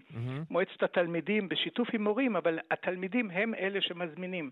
ואז מצד אחד הם הולכים גם כמובן לפגוש את החברה הערבית, שבחיפה כמובן זה מקום טוב לעשות זאת, אבל מצד שני נוסעים גם ומשתתפים בסמינר אה, אה, יהדות ב... ב בישיבת הכותל, והבנות הולכות לאולפנה, עד כדי כך שיש הורים שבאים אלינו בטענות שאנחנו כביכול עושים הדתה. אנחנו פותחים את הבנות ואת הבנים באמת למרחב כל האפשרויות בחברה הישראלית, ולא חושבים שרק מה שקורה כאן על הכרמל, אתה יודע, ברכס הזה, זה הדבר הנכון והטוב. להפך, אנחנו רוצים שהם יכירו את מרחבי החברה שלנו. אני הראשון במשפחתי אה, שסיים את בית הספר הריאלי, אה, והמיתוס המשפחתי שנשבעו לי כולם שהוא נכון, אומר שיום אחד הגיע הדוקטור ארתור בירם לבקר את חברו הטוב, הדוקטור קורט מרקס, אין כן. צורך לומר מאיפה באים השמות האלה, מורה להתעמלות מיתולוגי, ששכר דירה בדמי מפתח בבניין שבו הוריי גרו. והוא התבלבל בדלת, והוא מצלצל בדלת של אימא שלי, שבשלב הזה היא כבר מורה לפסנתר, והיא אם לילד, אה, אני, והיא פותחת את הדלת ורואה את בירם ומתעלפת. ואגב, היא נזרקה מבית הספר הריאלי על זה שראו אותה בהצגה שנייה ערב מבחן. כנראה שהיא גם לא הייתה תלמידה מי יודע מה טובה קודם לכן. אפשר לומר שהשתנו הזמנים כמעה.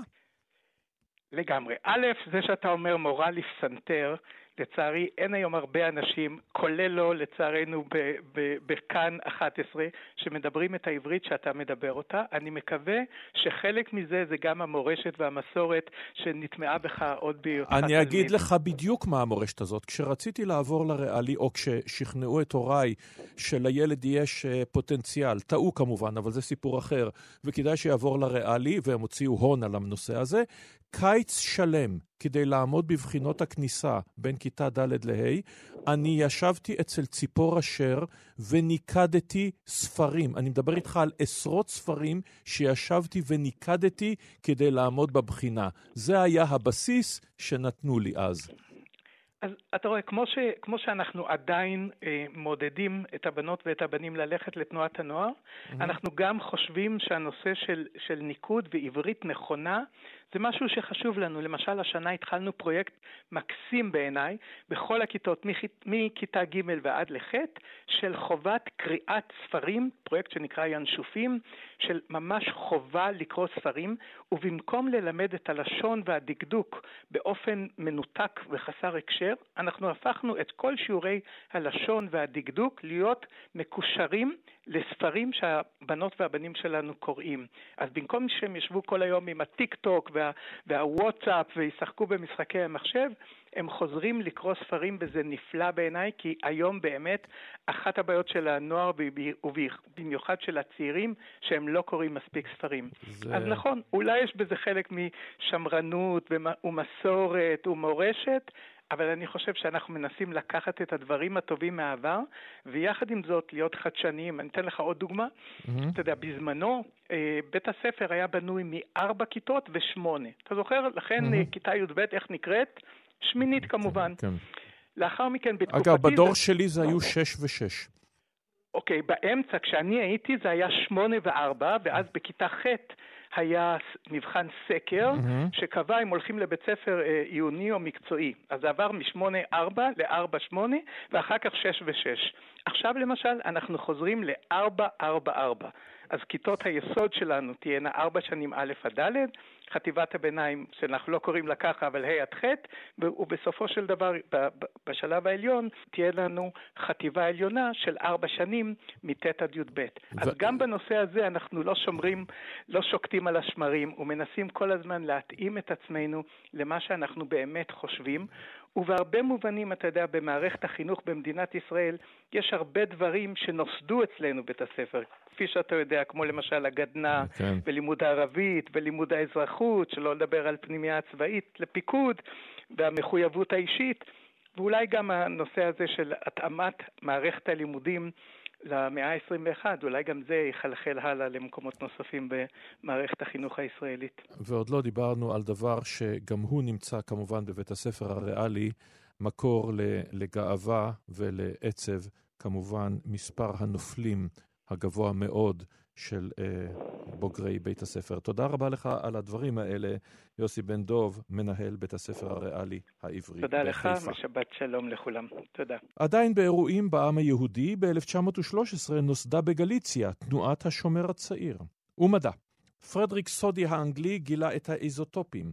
ברטרנד ראסל ואלפרד וייטהד, האנגלים, פרסמו את עקרונות המתמטיקה, ספר יסוד עד היום. הנס גייגר הגרמני ממציא מכשיר, מונה גייגר, על שמו, לזיהוי ומדידת קרינה רדיואקטיבית. ועוד תגלית, אחת החשובות במאה ה-20. את השם איינשטיין כולנו מכירים. אלברט, אבל הוא לא היה לבדו בתחום הפיזיקה הגרעינית. המאבק האינטלקטואלי המדהים להגיע להבנת היקום, מהחלקיקים התת-אטומיים ועד הגלקסיות. וב-1913 נילס בור הדני, עוד ענק מדעי, בר פלוגתא אגב של איינשטיין, ואגב, יהודי, מנסח מודל חדש של האטום. שלום לטל בר. שלום אורן. פיזיקאי ממכון דוידסון לחינוך מדעי, אז על בסיס תגלית של ארנסט רטרפורד, אדם דגול בפני עצמו, אה, גם הוא חתן פרס נובל, נילס בור בעצם משנה את המודל של האטום. מה, מה בעצם הוא משנה? אה, אז עד אז חשבו, בעצם המודל של רטרפורד טען שהאלקטרון מסתובב סביב גרעין האטום, אה, יכול להסתובב בכל מרחק ממנו. זה בעצם שה- תמונת העולם שיש לנו גם היום, קצת כמו מערכת השמש. אנחנו חושבים על אטום, אנחנו חושבים על הגרעין, פרוטון ונייטרון, ומסביבו סובבים האלקטרונים. נכון, אבל לבור זה היה נשמע לא הגיוני. אה, מכל מיני שיקולים, אה, ובמיוחד היציבות של האטום, כלומר כל פעם שאנחנו נפגשים באטום חדש אנחנו רואים את אותו אטום, אז אמור לקרות שם איזשהו קסם שגורם לכל האטומים להיראות זהים, ולא להיות בכל מסלול שהם רוצים. אז נילס בור בעצם על פי תגליות של פלנק ואיינשטיין לפניו, מעלה השערה שאולי המסלולים של האלקטרון הם לא יכולים להיות בכל מרחק מהגרעין, הם קופצים ממקום למקום במנות קצובות הנקראות קוונטות, שכמובן זה מתחיל לחבר אותנו אינטואיטיבית לתיאוריית הקוונטים. בעצם צריך לומר שעד איינשטיין, עד תורת היחסות הפרטית, אטומים, לא הייתה בכלל הוכחה שאטומים קיימים במציאות. חשבו שהם איזשהו, רק איזה כלי עזר כדי להסביר את העולם. זאת אומרת, לא הייתה הוכחה מוחלטת. רק כמה שנים קודם לכן מגיעה ההוכחה הזאת. בהחלט. בעצם איינשטיין מצליח לתאר מודל שבו אנחנו יכולים להבין את העולם באמת דרך אטומים, ולאשש אותו בעזרת ניסויים. אני רוצה להמליץ לקהל על ספר מאת טוביאס הרטר, עידן האי-ודאות, איך גילו גדולי הפיזיקאים את עולם הקוונטים, 1895 עד 1945, יצא לאור בהוצאת ידיעות ספרים וספרי עליית הגג. לטעמי זה ספר המדע הפופולרי הטוב ביותר שאני קראתי השנה, מומלץ בחום. אז בואו נדבר טיפה על ההמשך. כי זו רק התחלת הדרך. כלומר, נילס בור הוא זה שמשכלל, נקרא לזה כך, את מודל האטום, אבל מכאן הוא מקים אסכולה, הנקראת אסכולת קופנהגן, כי היא סובבת סביבו, ופה מתחיל המאבק שלו בעצם נגד איינשטיין על מהי תמונת העולם האמיתית. הרי בסוף זה מה שהפיזיקאים מנסים לעשות. מהי תמונת העולם? אז מה טוענים שני הצדדים? בעצם עד אותה תקופה, כמו אה, מקס פלנק ואיינשטיין, גילו תגליות מוזרות בטבע. ניסו להתאים להם איזשהו מודל מתמטי. אז באמת עשור אחרי התגלית של נילס בור, בשנות ה-20 של המאה הקודמת, התחילו אנשים כמו ורנר הייזנברג וארווין שרדינגר לפתח תיאוריות שינבאו את מה שקיבלו מקס, פלנק ואיינשטיין ובור. התיאוריות האלה היו מתמטיות ותיארו את, ניסו לתאר את יסוד המציאות.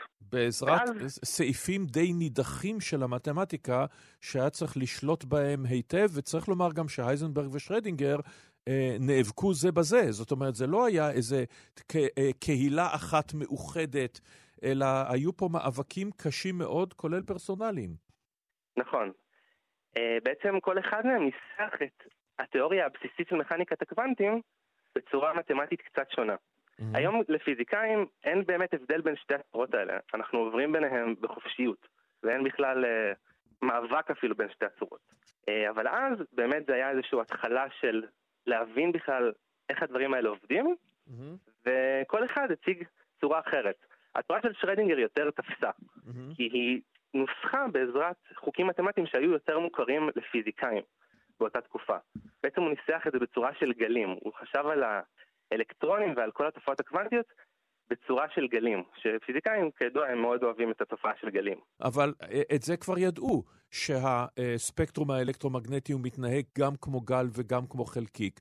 עדיין, הדבר המרכזי, אם אני מבין נכון, במאבק בין בור לבין איינשטיין, נקרא לזה הנושא אה, האידיאולוגי, אם אפשר לומר כך, זה שאיינשטיין מאמין בכל ליבו שאם יהיו לנו את כל הנתונים אנחנו נדע הכל, בעוד שבאיזשהו שלב בור אומר לו את ה... והוא אומר את המשפט הידוע, אני לא מאמין שהזקן מטיל קוביות, הזקן כלומר האל, ונילס בור אומר לו, את איינשטיין תפסיק להגיד לאלוהים מה לעשות, ובעצם הם מקבלים את התזה הבאה ואומרת, לעולם לא נוכל לדעת את הכל. גם אם יהיו לנו את כל הנתונים, אנחנו נוכל לדעת, לגבי אלקטרון למשל, רק הסתברויות ולא מציאות מלאה. מדהים, בהחלט. ואיינשטיין מאוד לא אהב את זה, כי הוא חשב שהתפקיד של פיזיקאים זה לנבא כל דבר באופן ודאי. וכל מה שמכניקת הקוונטים יכולה לתת לנו זה להגיד לנו הסתברויות באופן ודאי. Mm-hmm. ולא להגיד לנו מה יקרה בניסוי. ובאמת זאת אסכולת קופנהגן, כמו שאתה הזכרת, שהיא גורסת שאישויות המתמטיות האלה בתיאוריות של שרדינגר, של אייזנברג בסופו של דבר, שאוחדו, מתארות אופי הסתברותי של המציאות. כלומר, לדוגמה, במקרה של בור, אה, המסלולים של האלקטרון סביב הפרוטון הם הסתברותיים. כלומר, אני לא יודע באמת איפה האלקטרון נמצא בכל רגע. אני יודע שהוא, אני יכול להגיד בכל מקום מה ההסתברות שאני אמצא אותו. אה, וזה מאוד הפריע לאיינשטיין, כמו שאמרנו.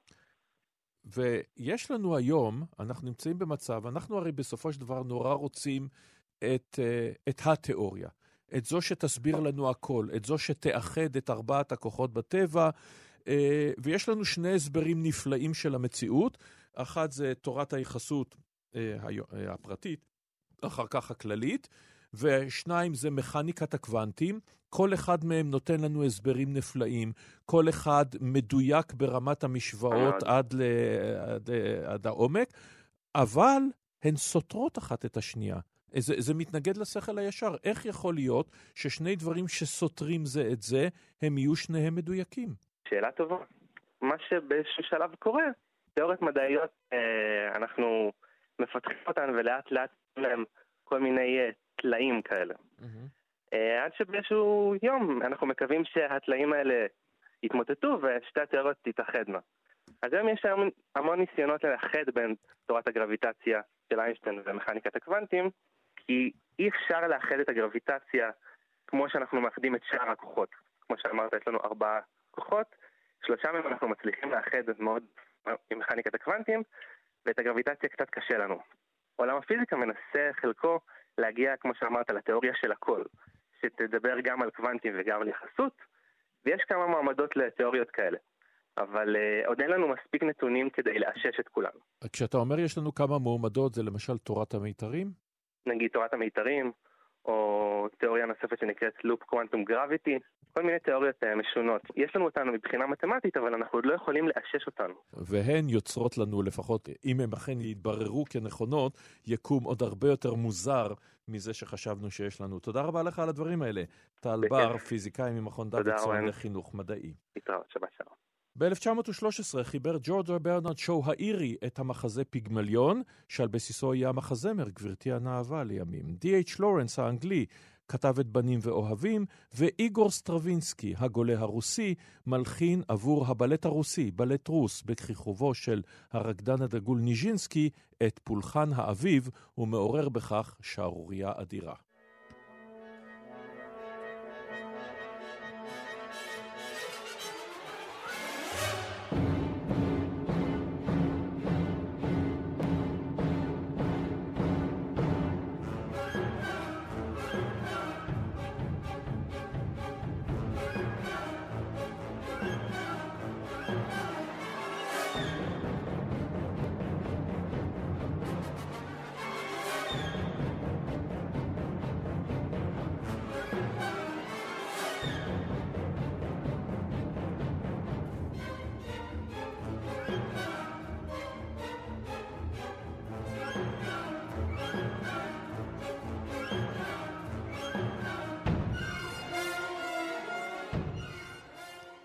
ועדיין ב-1913, הסופר הצרפתי-יהודי מרסל פרוסט מפרסם את בצד של סואן, החלק הראשון מתוך שבעה של יצירת המופת שלו בעקבות הזמן האבוד.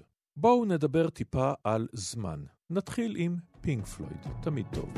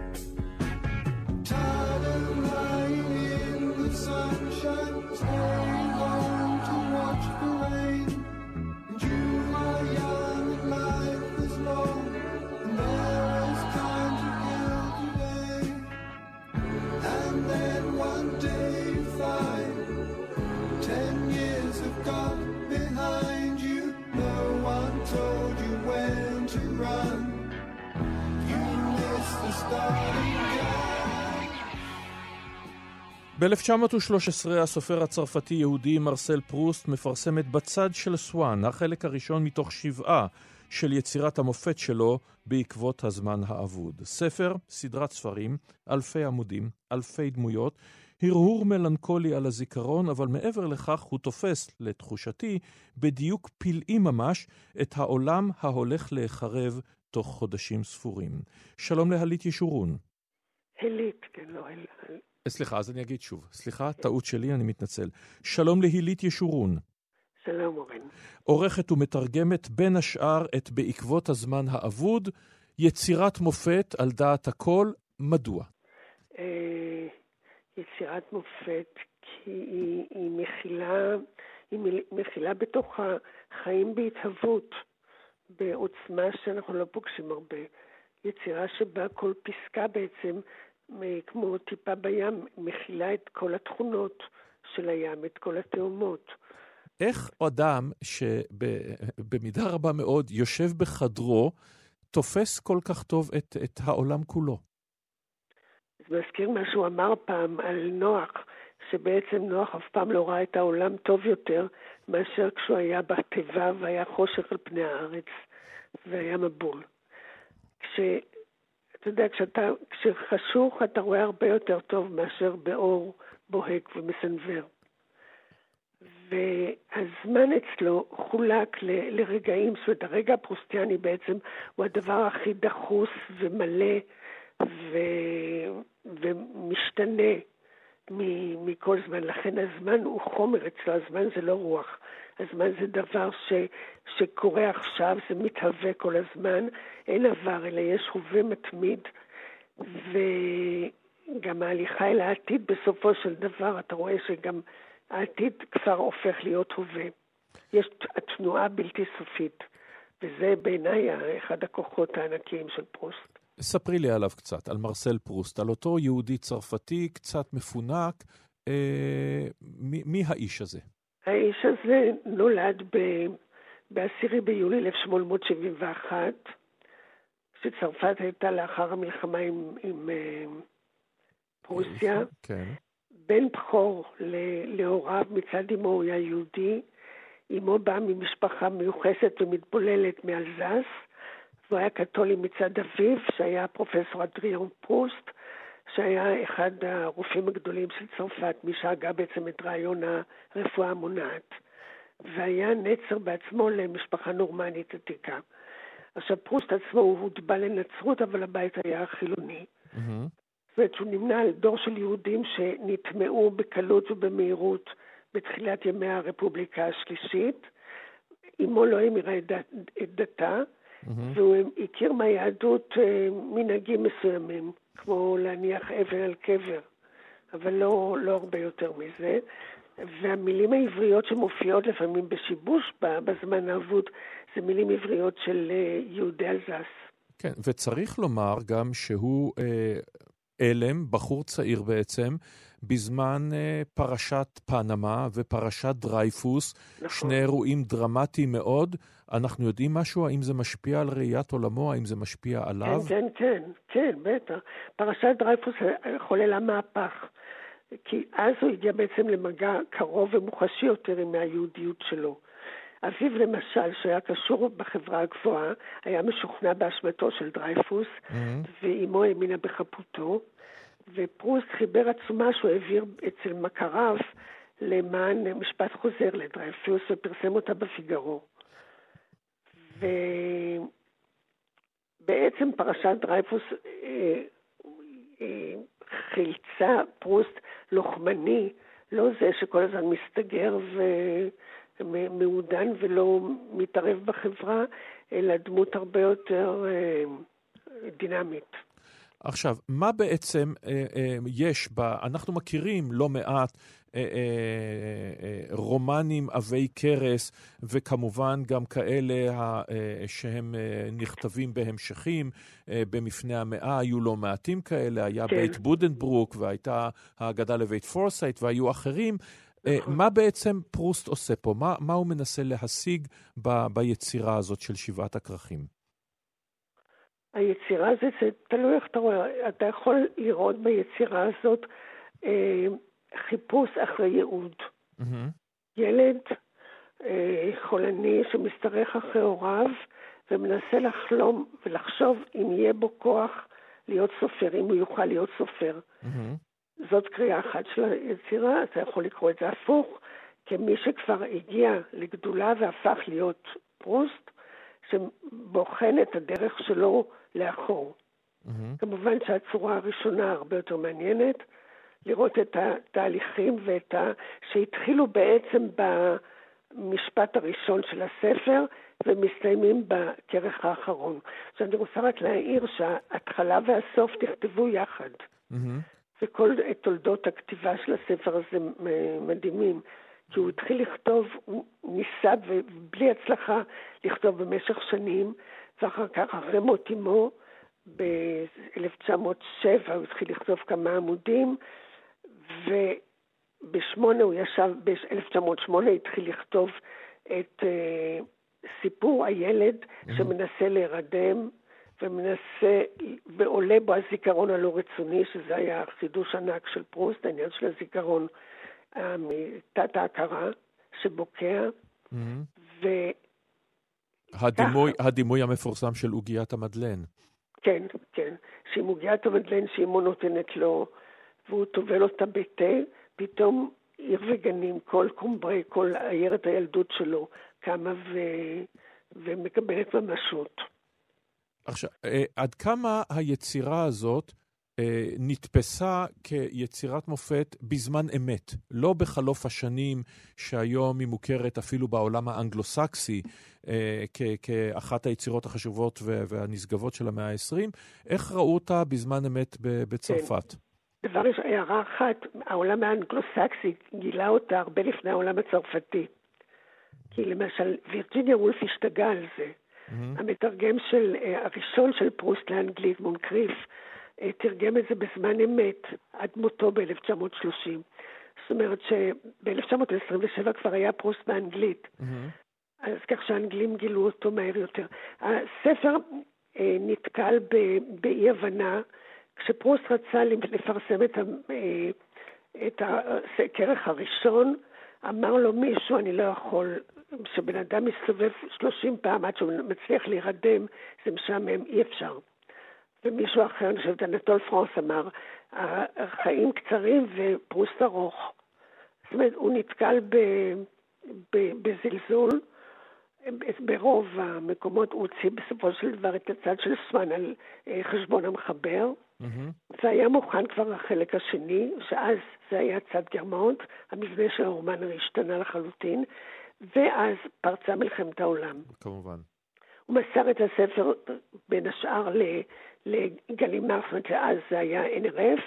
הקורא, אחד הקוראים הראשונים היה אונדרי ז'יד, שפשוט אמר, אני לא, הוא לא פתח את זה, כי פרוסט קשר את זה בקשרים כאלה שהוא זיהה לפי כתב היד שהוא חיבר, שזה, הקשרים לא הותרו בכלל. ופרוסט, וז'יד לא רצה אה, פשוט לפתוח את זה, כי הוא הכיר את פרוסט מכל מיני מסיבות הומוסקסואליות וסלד ממנו, וכך אה, התגלגלו הדברים. פרצה מלחמת העולם ב-1914, וזה שימש לפרוסט לפתוח מהאמצע, כמו שמעבים קתדרלה מהמרכז החוצה, כך הוא עשה עם הרומן.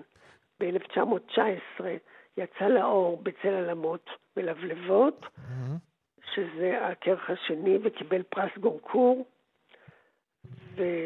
ואז ואז- פרוסט התחיל, כן, כן. המשיך. ואני רוצה לשאול אותך, במידה מסוימת, זה, אה, אה, זה פרויקט חייך. זאת אומרת, אם אני עושה את החשבון, מאז יצא הכרך הראשון בעברית, בתרגום החדש, היה כן. תרגום קודם, אה, את הקדשת כמה עשרות שנים מחייך לתרגום 30, הזה. 31, בוא נגיד, כן. 31 שנים. ש... כן. זה, זה, זה, זה, זה משימת חיים. זה דבר שהוא יכול להיות אה, אה, אה, מהנה, מטריף, קשה כמובן בצורה בלתי רגילה, להערות את השפה של פרוסט לשפה אחרת, מה גם עברית. איך עושים את זה? מדוע בעצם? זו שאלה שכל, זה, זה קצת סדומזו, מה אני אגיד? אני לא יודעת להגיד. זה מטורף. וכשאת... אבל זה דברים שעושים בלי, בלי לחשוב. כי ת- אם אתה חושב מה, מה פתאום לעשות את זה, זה טירוף. את, אה, את תיארת לעצמך בהתחלה שזה ייקח לא. כל כך הרבה זמן? לא, לא, לא. חשבתי על... אה, זה- היה במלחמת המפרץ, והחדר הסגור, האטום, זה הזכיר לי את... אה, הזכיר לי איכשהו את פרוסט, והשתעשעתי בתרגום הקטע של המדלן שבכרך הראשון. וזה הפך, אני אומרת לך, זה מחלה מדבקת. תודה לך על הדברים האלה. הילית ישורון. מתרגמת בעקבות הזמן האבוד. תודה.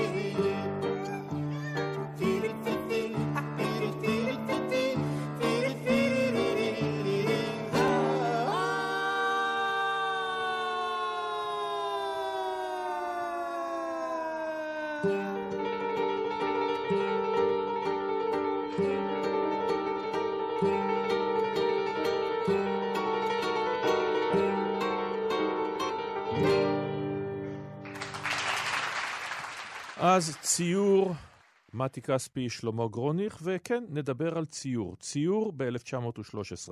שלום ליונתן הירשפלד. שלום, שלום. צייר, בעל טור על ציור בעיתון הארץ, מרצה. אז ב-1913 וסילי קנדינסקי הרוסי מצייר את קווים שחורים 189, הציור המופשט לחלוטין הראשון. אז האם בעצם, יונתן, יש לנו פה איזה תהליך מחיקוי הטבע בזמנו, דרך מה מרגיש האומן מול הטבע והאדם, פוביזם, אימפרסיוניזם, קוביזם, כלומר, כביכול עוד ועוד שכבות מוסרות עד שאנחנו מגיעים להפשטה המוחלטת? אה, כמעט, חוץ משני דברים. אחד, שמעולם ציור לא התעסק בעולם, אף פעם לא היה ציור שרצה לעשות ממזיס. זאת אגדה שממשיכים להפיץ אותה, אבל כדאי להפסיק עם זה.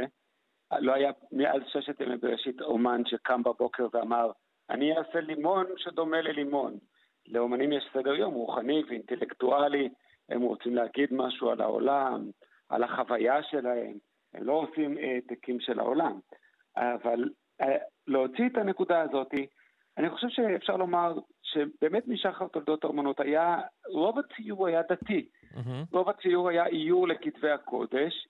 אה, בוא נגיד שאנחנו לא נכ- נכניס עכשיו את היוונים והרומאים, אז נתחיל מג'וטו. וגם, וגם נשים בצד את הדיוקנאות, שזה סיפור אחר. כן, אז נגיד מג'וטו, רוב האומנות היא איור לכתבי הקודש, אה, היא ביבלי אספר פורום, תנ"ך לעניים, ואני חושב שככל שהיא נעשתה מודרנית יותר, היא נעשתה יותר רפלקטיבית ושאלה את עצמה יותר שאלות על עצמה.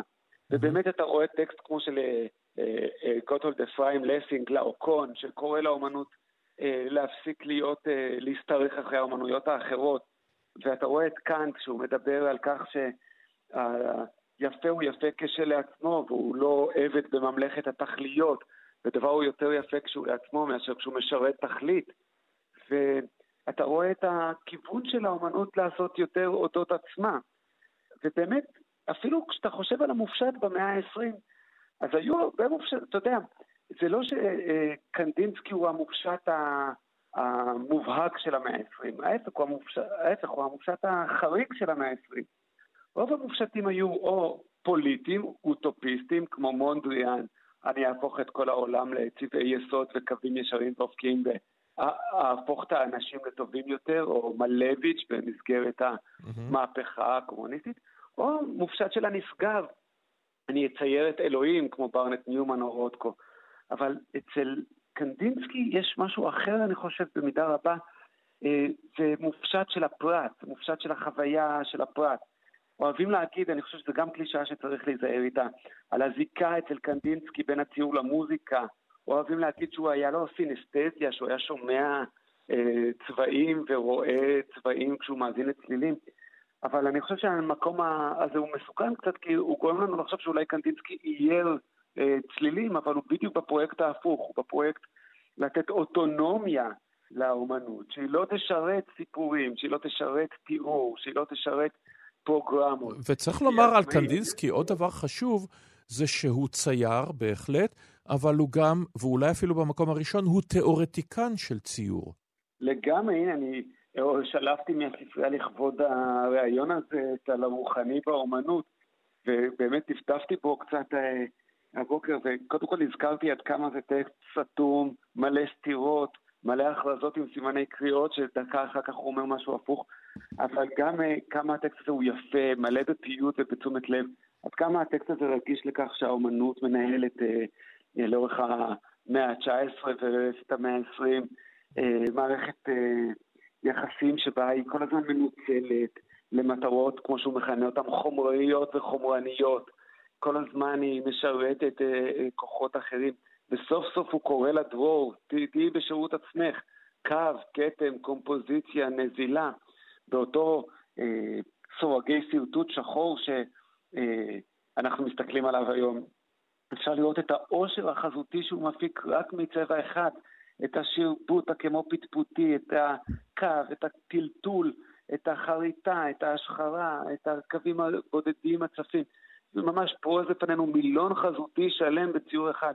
זה כמו להקשיב לאיזה אה, סונטה אופוס 111 של בטהובן, ככה, אתה יודע שהמוזיקה מתחילה להת, להתפרק ולהתעסק בעצמה ולשאול מה זה הקשה במקלדת, מה זה רווח, מה זה דממה בין צלילים, מה זה התגעשות, מה זה כאוס, מה זה סדר.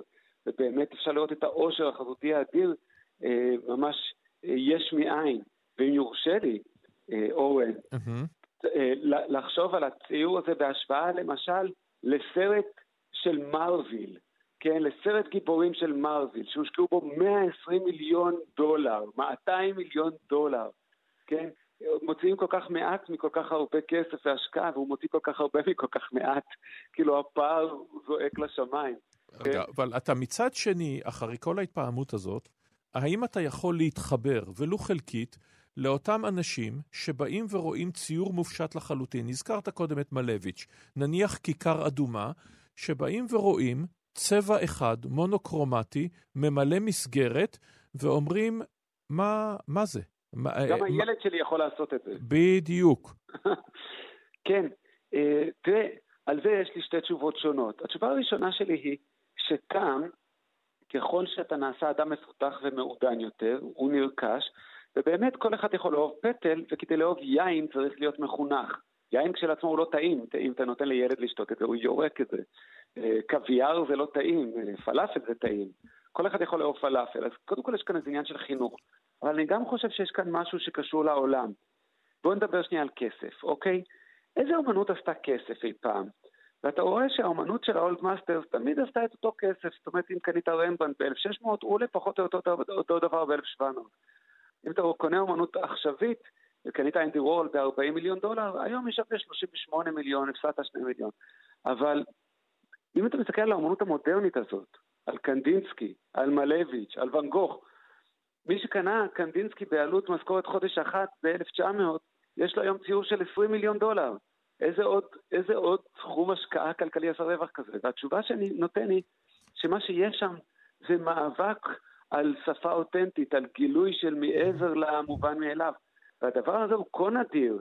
אין אותו אצל ה old masters וכבר אין אותו אצל הפוסט-מודרנים. יש אותו רק במאה השנה הזאת של מודרניות, ועל זה אנשים מוכנים תמיד לשלם. זאת הסיבה שאנחנו נדבר פה תמיד על יצירות מודרניות מופשטות כאלה, שמאמירות בסכומים ומאתגרות את המושגי טעם שלנו. תודה רבה לך על הדברים האלה, יונתן הירשפלד.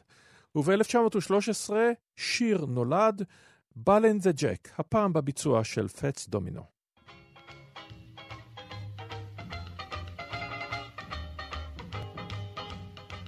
You put your two knees close up tight, then you sway to the left, then you sway to the right. Step around the floor kind of nice and light, and twist around and twist around with all your might. Stretch your loving arm straight out in space, then you do the eagle rock with style and grace. Swing your foot way around and bring 'em back. That's what I call ball and a jack.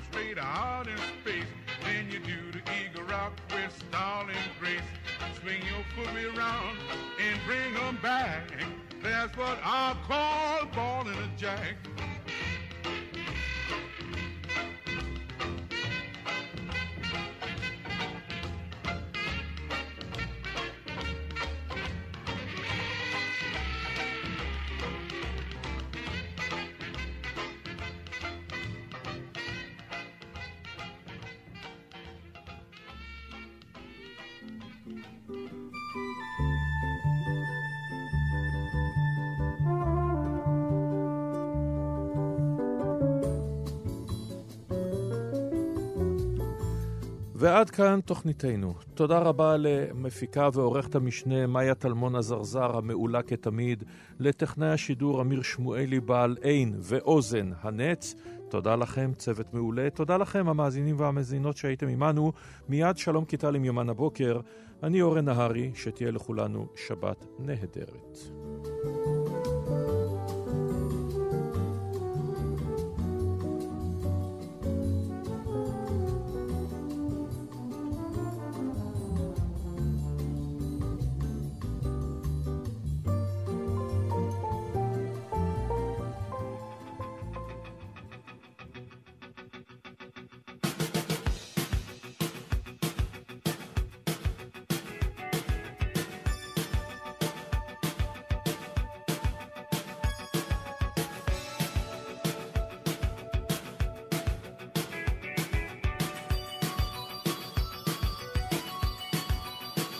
יושבים שעות, מחכים שמשיח יבוא. משיח איש מפתח, ידו בכל ויד כלבו. ענן סמיך בירוחם, ממצמץ בשפתיו. יהודה מסתכל בשעון ומפלבל בעיניו. משרד בצפון,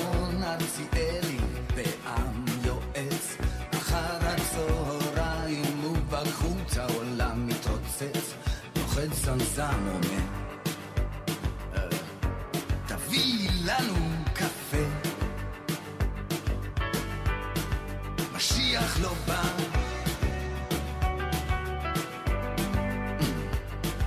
משיח גם לא מטלפן. שתיקה כללית, חמישה וירדנה כולה חיוכים. השחור ליהודה, התה לארציאלי הבן.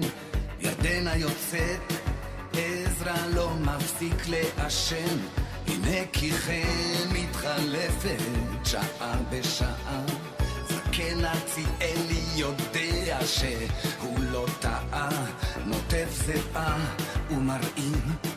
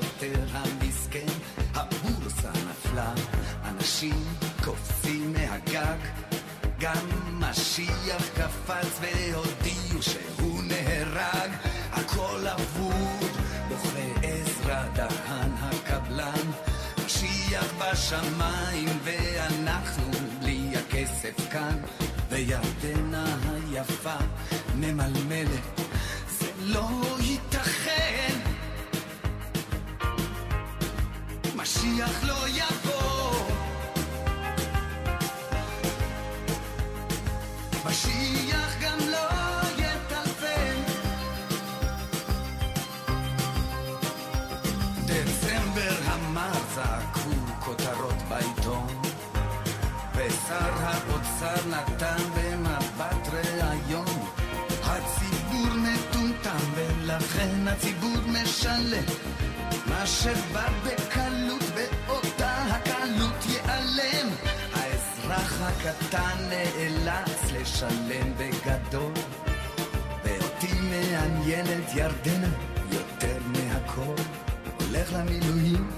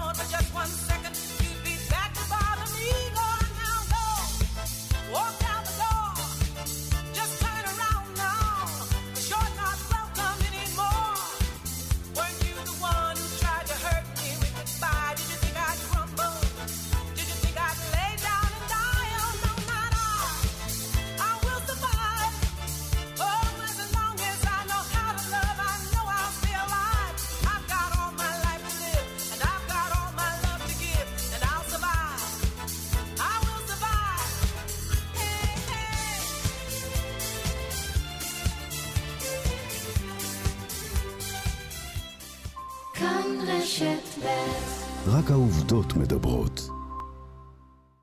הקיץ החלומי של נבחרת ישראל נמשך. ישראל ברבע גמר, אליפות אירופה לנבחרות צעירות. הערב בכאן 11, הנבחרת הצעירה של ישראל בפעם הראשונה ברבע גמר היורו. הערב בשבע, בכאן 11 ובכאן בוקס בטלוויזיה ובכאן רשת ב' ברדיו. שלום קיטל, כאן, אחרי החדשות.